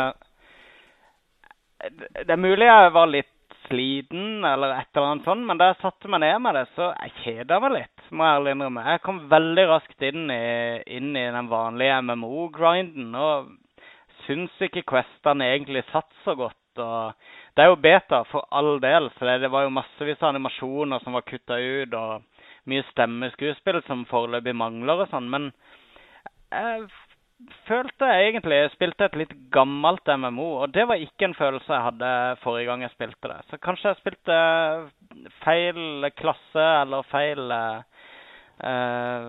rase eller whatever. Men litt, litt skuff denne gangen, skal jeg ærlig innrømme. Så, Wildstar er det, Det er sånn MMO laga av folk som jobber på Warhammer Online, og det er World of Warcraft-folk med. Det er liksom Det er sånn superteam av MMO-utviklere egentlig Ja. som står bak det. Og, og det er et humoristisk, litt sånn cartoony Ja, det, det er deilig. Sci-fi, fantasy-setting. Ja, farverikt og dødsfett gameplay med veldig sånn visuelt hvor du må stå, hvor du må passe deg. og Ja, ja, ja. Uh, Utrolig kult uh, kampsystem og alt. Så det, det er egentlig, alt er egentlig duka for et kult spill. Men akkurat når jeg satte meg ned med det igjen, så, så følte jeg liksom åh, Skal jeg ta en til? Eller, eh, jeg tror ikke jeg gidder. Og så skrudde jeg bare av. Og det var etter sånn tre timer. For et MMO er det helt sykt hvis du gir deg før fem timer. ja. Nei, kanskje her er Ja, det er det. MMO-fatiguen uh, blitt så stor eh, blant folk flest at det ikke er nytt å komme med et tradisjonelt MMO lenger. Ja, men det, altså, det skal jo være abonnementsbasert, og det håper jeg de gir seg med ganske kjapt. For det, det kan bli et veldig bra free to play-spill. Og Ja. Jeg syns det føles litt som om det er lagt opp til litt free to play-elementer etter hvert. At det blir mulig å Se. booste seg litt. Ser det litt sånn Jack and Dexter-aktig ut? Jeg bare Ja. så på bildet. Ja, Ja, det det er høres kul- kul god observasjon. Mm. Um, men uh, jeg lasta ned nå rett før sending, faktisk. Lasta ned uh, Super Time Force. Som Ja, ble, det gjorde jeg også. Ble lansert i dag, så vidt jeg kjenner Ja, jeg vet jeg vet. Jeg så at Kristoffer plattformer Jetmundsen drev og er det hypa på. det på Twitter. Er Eh, det på ja, ja. PS4 og Xbox One? Og er det de to? Jeg tror det er på Xbox 360 og Xbox One foreløpig. Ja, okay. Så frem med Kinecten, Lars. Eh, Jeg kan, skal vi se om jeg klarer å skru den på herfra. Xbox on! Faen. det funka. Funka det? Nei, det funka ikke. ja, okay. Xbox on! Drittmaskin. Det er ikke rart den ikke kom med Kinecten. Ja, ja. Nei, Har du, ta, har du satt den opp til å skru seg på? Men har du, har du fått spilt det, Magnus? For det Super Time Force er, det er sånn 2D-plattform-action der du kan manipulere Ja. tid og må lage kloner av deg sjøl og sånn. Jeg har ikke spilt det sjøl, jeg bare lasta det ned. Det er sånn liksom retrospill, da. Det Det skal være sinnssykt vanskelig, sier de. ekstremt vanskelig. Men det som er kult med det uh, Og da kan vi snakke litt Jack and Dexter igjen, for de som husker uh, uh, det eh, Hva er det for noe? Et eller annet in time? Eh, Clank in time, eller noe sånt? Var det det det heter? Der du Ja. For det, det er veldig mye med å spole tida frem og tilbake, da. Hver gang, du, hver gang du dør, så kan du spole tilbake tida en del sekunder. Så kan du slenge inn eh, eh, en til fra gjengen din inn og, og, eh, og, og assiste da, og, og liksom og hjelpe ut den andre versjonen av deg sjøl. Så du spiller brettet om igjen frem til der du dør, men denne gangen er du der og, og, og hjelper til. da. Og da kan du forhindre at den andre du dør. Ikke sant? Uh, så Og veldig ofte så krever det utrolig mange deaths. Da, så det, Du dør og dør og dør. og dør. Til slutt har du en helt sånn hær av sånn 15-20 versjoner av deg sjøl. Av forskjellige typer klasser. da, Som har hver sine special attacks osv. Så, videre, så til slutt har du en hel gjeng med deg sjøl som, som løper mot et område der alle de har dødd, og der du da kan redde dagen. Og Idet du redder de, så kan du plukke opp de du eh, klarer å redde. Og da plukker du opp også egenskapene de sine, pluss at du tåler Du får et skjold, da. Så det, da kan du plutselig eh, um, bruke alle special attacksene til alle de du har redda livet til. da. Så fortsetter du. Og du har typisk sånn 60 sekunder på hvert brett, men du er nødt til å hele tida spole frem og tilbake og finne power-ups og finne måter å, å sakke ned tida og, og finne specials på. da. Det høres nice ut. Jeg tror jeg skal spille det etterpå. Ja. Men dritvanskelig, altså. Uh, ja. Veldig raskt, veldig Du, du snakker til meg nå, Magnus. Og, uh, jeg snakker til autisten i Lolbua. ja, men jeg, jeg kan si et siste spill, for jeg har også spilt Heartstoner, selvfølgelig. Men uh, Wordament, som både meg og deg, Jon Cato, har brukt noen timer på. Ja, det der Microsoft-ordspillet. Riktig. Det som også finnes til iPhone. Eh, Ja, det har nå kommet en ny versjon som heter Snap Attack. eh, hvor de på en måte har slått sammen eh, Words with Friends, eller Altså det oppsettet der med at du får et utvalg av syv bokstaver. Så har, du Mhm. et, så har du et halvt sekund, nei et halvt minutt mener jeg, på å sette sammen så mange ordkombinasjoner du klarer med de bokstavene ut ifra ett eller to ord på skjermen.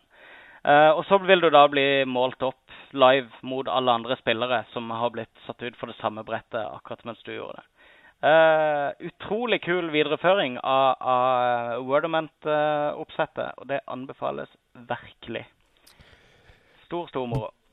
Bra, bra, bra. bra. Ja, Wordament var knallbra for de som ikke har prøvd det. Så hvis det her stemmer, hvis ikke Magnus sitter og lyver oss huden full, så Jeg drikker whisky, så jeg lyver sannsynligvis. Eh, men du har også spilt eh, Heartstone. Eh, vi kan snakke litt om det, for jeg har spilt uh, altfor mye Heartstone den siste Ja, vi må snakke om Heartstone. Det har jeg gjort. Jeg driver og spiller på den jævla arenaen, og jeg klarer ikke å vinne mer enn Jeg har bare vunnet én kamp av de der tre greiene. Det er vanskelig arena. Jeg må ha råd, for det Jeg følger okay, med guiden. det jeg jeg gjør i arena, jeg følger Magnus sitt råd. Jeg går på Icy Veins. Der er det sånn arena guide, og så velger du det beste kortet ja, hver gang du får kort. ikke. For de har ranka kortene til hver klasse der. Mm. Ja, men Men, men en annen god, eh, god idé, Lars, det er å lese Why Do I Keep Losing, som også er på Icy Veins. Ja, men det er veldig mye bra sånn fundamentals. Og Det er en jo Story er of my life for Lars, er ikke det den boka? uh, Eh. En Ja. siste ting som jeg har lært Takk- ganske takk mye av, følgere. jeg. Jeg har lært en del av å sitte på Twitch og se på uh, uh, Trump og han der uh, Reynard, er det det han heter? Uh, Mm. Reynard, han har lagd to helt sånne uslåelige decks som de ligger overalt på nettet. Hvis du spiller med dem, så vinner du ni av ti kamper nesten. Det er dustete. Men, men du vinner jo ikke i, på arena. Der får du jo random. Ja, riktig. riktig. Men uh, hvis du sitter og ser litt på åssen de spiller, åssen de tenker når de spiller I hvert fall han Reynard er veldig fet. Eh, så jeg har i hvert fall plukka opp litt av mentaliteten på åssen du skal tenke, på åssen du ofrer kort, og når du ikke gjør det. og Mm. eh, En del av Ja, det har mye med, med ofring og time, eh, timing og hva du Det er ikke bare å få ut ting selv om du har råd til det. Det, det kan lønne seg å vente og Ja. Det handler veldig ofte Du må ha, du må ha liksom kontroll over brettet, men samtidig så skal du ha flest kort på hånda. Det er nesten alltid sånn at han med flest kort vinner til slutt. Men åssen Ja, er de, hvordan går det i ranked? Hvor, er, hvor ligger dere henne på rank? eh? Eh, jeg ligger på 14 eller 14 nå, tror jeg. Ja, det er 14 eller 14 jeg har krabba meg til. For jeg tok Jeg lagde, jeg lagde en sånn priest-dekk der jeg så på Icy Veins noen forslag til dekk, og så lagde jeg min egen variant av den. Og så døsta jeg omtrent alt jeg hadde av kort for å lage to sånne legends som jeg har i den dekken. Og den, eh, den er ganske kraftig. Jeg vinner en god del med den. Men jeg merker det, det har veldig mye med de tre første rundene jeg kan være helt essensielle. Spesielt hvis du møter hunters eh, som får ut bare et tonn med beasts uh, Skal jeg si det aller verste er? Gå på, gå på nettet og søk på Zoo-dekk. Uh, Ja. Det er Reynard sin. Da får du eh, Warlock-dekk, som er heter Zoo. Det er nesten alle er én eller to draws. Så du, du, du bare, du bare i dag, i dag hadde jeg en av de kuleste kampene jeg har spilt. Fordi jeg har en sånn Den pristekken min, det har uh, to sånne karer som gjør at prisen min går Død lyd! er vi så kjedelige, Lars? Jeg har, jeg har eh, der du trekker mye kort, ikke sant? Og så kan jeg gjøre skade med presten hvis jeg er ute riktig creature, osv. Men så hadde jeg ute hun der eh, prestedama som gjør at jeg får trekke kort hver gang jeg healer creature. Og det er veldig bra Ja, ja. taktikk. Hvis du har mange creatures, så har du en sånn gratisspill som heter Circle of Heal, og da blir alle heala. Hvis det er fem creatures som er skada, så får jeg trekke fem kort. Pluss alle motstanderne sine som blir heala. Så jeg brukte det et par ganger, og plutselig så var jeg jo selvfølgelig tom for kort. Og da begynte han motstanderen, som også var prest, å heale mine creatures Ja. for å gi meg skade, for jeg måtte trekke negative kort, ikke sant. Så jeg var nede på sånn Jeg fikk minus seks for det siste kortet jeg ikke fikk trekke i skade. Da. Men jeg klarte å ta han for det. Men det er en av de morsomste kampene jeg har hatt, fordi han begynte å heale mine folk for å Jo, ta meg. Det var, vi var begge tom for kort. Ja, men det er veldig kult. spill, det er En annen, en annen ting er jo når du har, eh, når du har disse karakterene som uh, Idet de tar litt skade, så går de plutselig opp to eller tre i attack. ikke sant? Så de blir mye kraftigere og mye Ja, de er galsure. Men dere har jo Men da er det gøy med Priest mye- som bare healer det til motstanderen. Som nei, nei, nå er han fin igjen. Nå har du ikke de ekstra attacksene lenger. Men uh, dere har jo brukt masse penger på det her, har dere ikke det? Jeg har ikke brukt en krone på Jeg har brukt eh, Jeg tror jeg har brukt sånn 900 kroner på kortet. Oi, Ha- oi, har du det? oi. 900. Ja, ja, men det er dusta nesten alt for å lage eh, Optimalisere priesteken min. Jeg duster kun hvis jeg har mer enn to av hvert kort, for da er det ikke noe vits å ha mer enn to kort. For du kan bare ha to kort i dekket. Men jeg, jeg vil jo spille flere ulike klasser, ikke sant? Bortsett fra Hva er den dårlige klassen som ikke nevnes av noen? Det er i hvert fall en som jeg syns jeg, jeg får ikke til noe, liksom. Men jeg har jo bare basic-kort, egentlig. Hvilken sånne Hvilken klasse er det? Ja, hvilken klasse er det? Skal vi se. Skal vi se.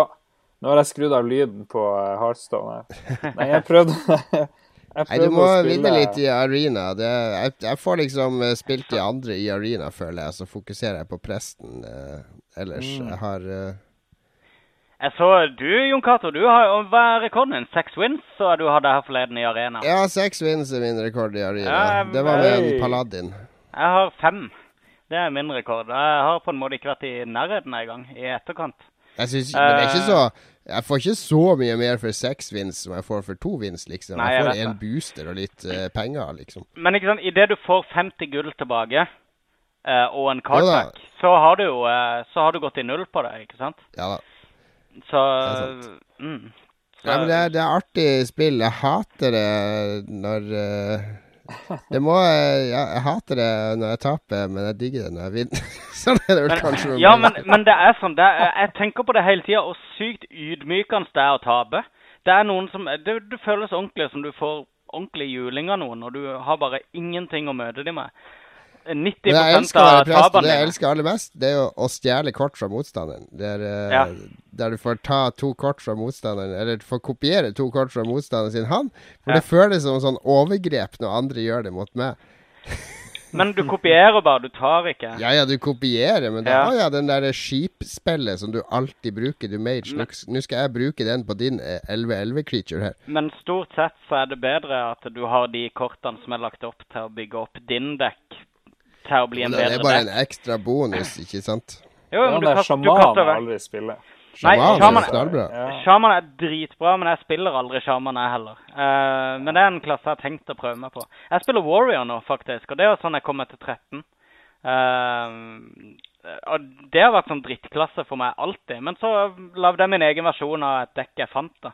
Må mm. Fordi det var, det var litt gammelt. Det var fra januar eller noe, så det, det var liksom sånn ned nerfa som bare det. Så jeg måtte bytte ut en del til mine preferanser, da. Men nå vinner jeg mye med det, altså.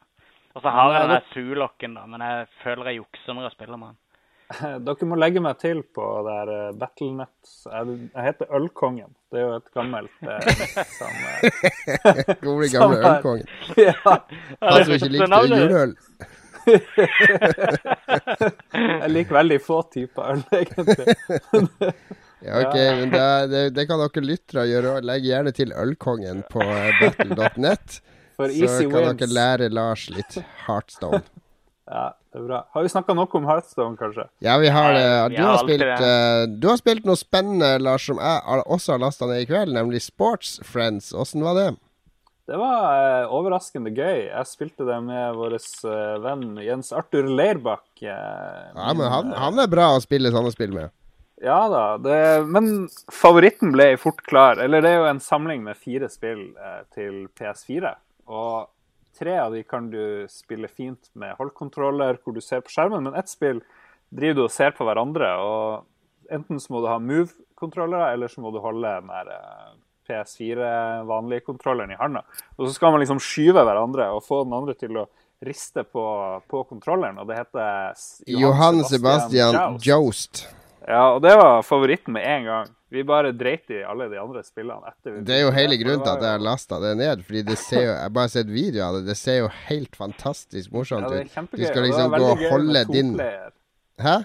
Ja, Det er jeg. Det var veldig gøy med toplayer, men det er sikkert mye morsommere, eller minst like morsomt med fireplayer. Og eh, man kan jo gjøre hva man vil, ikke sant. Men det skal ufattelig lite til eh, bevegelse i den der kontrolleren, så du må få sånn stein eh, Du må jo være sånn Shaolin Monk for å liksom Det er jo briljant. Men han, Jens Arthur han var the master av uh, Johan Sebastian Jones. Han har jo gått på taekwondo i mange år, han. ja, så jeg vant de to første rundene, og etter det så tapte jeg bare. Og vi bare sto der og liksom Nye teknikker og måter å holde Prøvde å presse kontrollen inn til kroppen, men det går jo ikke. Da er det jo bare å skyve det. Ja, ja. nei, det, det var ufattelig gøy. Men så er det tre andre spill som er mer classic. Og min andre favoritt det var det der Superpole Riders, eller hva skal det heter. Hvor du har ja. to eller fire, eller det, du kan være mange, da. Folk med sånne stavsprang, er det det heter? Stavsprang, ja. Ja, Det henger en ball i et snøre over skjermen, og så har du de her karene. Og så kan man, skal man springe rundt, og så ene tommelen styrer du at du springer enten til høyre eller venstre, og den andre så styrer du den her eh, stavsprang-greia. Og det er totalt eh, kaos eh, fra første stund. Du, Det er bra. Det er gøy. man skjønner liksom ikke helt hvordan det her fungerer, for det, det er liksom fysikk, og det er veldig sånn eh, basert på vekt og vektstangprinsipp. og så, så den som er øverst, han kan slå på den andre. Da sparker man automatisk. Og så er målet å få den der ballen som henger på den der stanga, bort til motstanderen sitt mål. Og det var, det var kjempe, kjempegøy. Eh, det vi likte minst, det husker jeg ikke. Det prøvde vi bare i to sekunder. Det, det skjønte vi ikke så mye av. Og så var det noe som het bari-bari-bål, hvor du har en, eh, en liten sjø, en liten vannpytt nede med ulik farge, og så skal du få en sånn ball som kommer opp midt på skjermen. Skal du hoppe og ta fatt i den, og så skal du liksom få ballen ned i sjøen. Eh, Ja, jeg vet ikke. Det var veldig, veldig gøy. Men det siste spillet som jeg har helt glemt, det var litt kjedelig. Men det er en stor vinner. hvis man er Men du anbefaler. Det koster 112 kroner, tror jeg, på PS4. Ja, det var litt dyrt. Jeg ba ikke om noe kode eller noe, så jeg punga ut. Men jeg punga ut gladelig, for det, jeg tenkte det her kan bli veldig gøy fremover. Og det, Man må jo det- støtte sånt på, på Ja på de konsollene før det, da. Ja da, vi skal ikke utnytte våre kontakter for mye. Så nei da. Det Jeg har betalt, jeg har betalt for det òg. Jeg har lasta det ned. Jeg skal knuse sønnen min i Johan Sebastian Jost i morgen. Jeg skal Men, dytte eh, han i bakken, og han skal ligge der og gråte mens jeg ser at eh, han har tapt. Jeg anbefaler å ha noe i nærheten som man kan kaste på den andre. Det er veldig effektivt. Aha. Nå når du heier hus, Lars, du kan jo bare tømme hele stua der nede og ha de svære Johan Sebastian Jost-kampene med fire spillere. Ja, men hvis du ikke har noen venner, så, eller hvis du ikke har noen i nærheten som du kjenner, så er det ikke noe vits, for det er kun multiplayer, hele greia. Det er ikke noe online-spilling. Grafikken er veldig retro, og det er sånn her åttebits-look på det Jeg tror, jeg tror Killscreen beskrev det som et eh, eh, sportsspill for folk som eh, hater sport, men har venner. Ja, faktisk. ja. Jo, men det, jeg hørte noen mente at det her Sportsfriends-navnet, det vil uh, eh, støte bort en del folk, og det tror jeg jo, Men det handler ikke så mye om sport. Det handler jo om eh, skill, og det handler om eh, å ha det gøy. Jeg må innrømme at jeg tenkte på Sport Champions med en gang jeg hørte Ja, tittelen. det Ja, ja. Kanskje, kanskje. Har du mer spill vi skal dele, Lars? Sports Sportsfriends, Heartstone Nei. Jeg har tenkt å spille The Magical Realms of Tirna Nog, Escape from Necron 7, Revenge of Kukuoline, The Official Game of the Movie, Chapter 2 of The Hoops Barkley Saga, som er ett spill, men med verdens lengste navn. Ja, det stemmer det. det. Kom det i fjor eller forfjor eller noe? Eller? Jeg har ikke peiling. Nei. Jeg har ingen peiling. Jeg bare, det det var noen som mente det hadde vært gøy å nevne det på eh, sendingen. Ja, vi har hatt, uh, hatt quiz-spørsmål om det, faktisk, uh, Jon Cato. Ah, ja. Eh, Så kan vi nevne i samme slengen at vi har masse folk på YouTuben som følger oss nå. En som heter The Set No. Han lurer på hva det her er for noe. Har ikke sett det før. Eh, Secret Chests jeg hørte at vi snakka om Watchdogs, og han sier at det har blitt altfor mye hypa. Og det eneste De- han gleder seg til nå, det er The Crew, Super Smash Bros. og Batman Arkham Knight. Og så sier Jostein Hakstad 'What's up, folkens'? Men uh, du så at også Secret Chest uh, utfordrer Jon Cato i uh, Hearthstone. Og det er jo interessant. Er det ikke det, Jon? Gjør de det? Oi, oi, oi. Ja. oi, oi, oi. Secret Chest er en player. det tar, tar imot alle utfordringer. Bare med den forutsetning at jeg rage-kvitter hvis jeg taper, bare så folk er obs på det. Så sier En som heter Spillzone, eh, kommenterer, og han sier det har kommet eh, mye gode, bra greier til Wii U i det siste. Så han han mener det gode utvalget med spill eh, gjør Nintendo-konsollen forlokkende for han. Så ja vel. Det bra. høres bra ut. Kjør Enig, enig. Jeg har dobla de salget. I det siste. Og eh, vi må jo nevne at eh, Facebook-sida vår er oppe og går nå. Vi dreit opp i en tidligere plan å overta eh, facebook.com eh, Lolbua. Nå har vi facebook.com Lolbua2000, eh, hvis noen bruker det. Men det er jo bare å søke på Lolbua på Facebook. Og vi har allerede Hvor mange følgere har vi nå? Det må vi sjekke med en gang. Grupper du administrerer eh, Fant jeg den plutselig ikke. Vi må søke på Lolbua. Hvor mange har vi nå? Good lord. 28 liker dette. 28. 20, Fantastisk. har vi 28 likes? Ja, og vi registrerte den mens vi drev og lagde sendinga. Det betyr Det at vi har er 25, eh, 25 lyttere, med andre ord. Takk til alle som følger oss på Facebook. Det er altså facebook.com slash lolbua2000. Eh, gå inn og like oss, så holder du deg oppdatert med alt som skjer her i Lolbua. Du kan selvsagt finne oss på vanlig web òg, lolbua.no. Der ligger alle podkastene og alle de lekre tegningene til Magnus. Og du finner oss på Twitter, at lolbua. Og du finner meg på at fleksnus, Magnus på Magnus Tellefsen. og Lars på at uh, hudkreft.no. Lars R. Olsen. Vi høres igjen neste uke. Da begynner vi kanskje litt prepping før E3. Vi får se. Ha det bra. Ja, det bra. Har du et enkeltpersonforetak eller en liten bedrift? Da er du sikkert lei av å høre meg snakke om hvor enkelt det er med kvitteringer og bilag i fiken, så vi eh, gir oss her, vi. Fordi vi liker enkelt. Fiken superenkelt regnskap.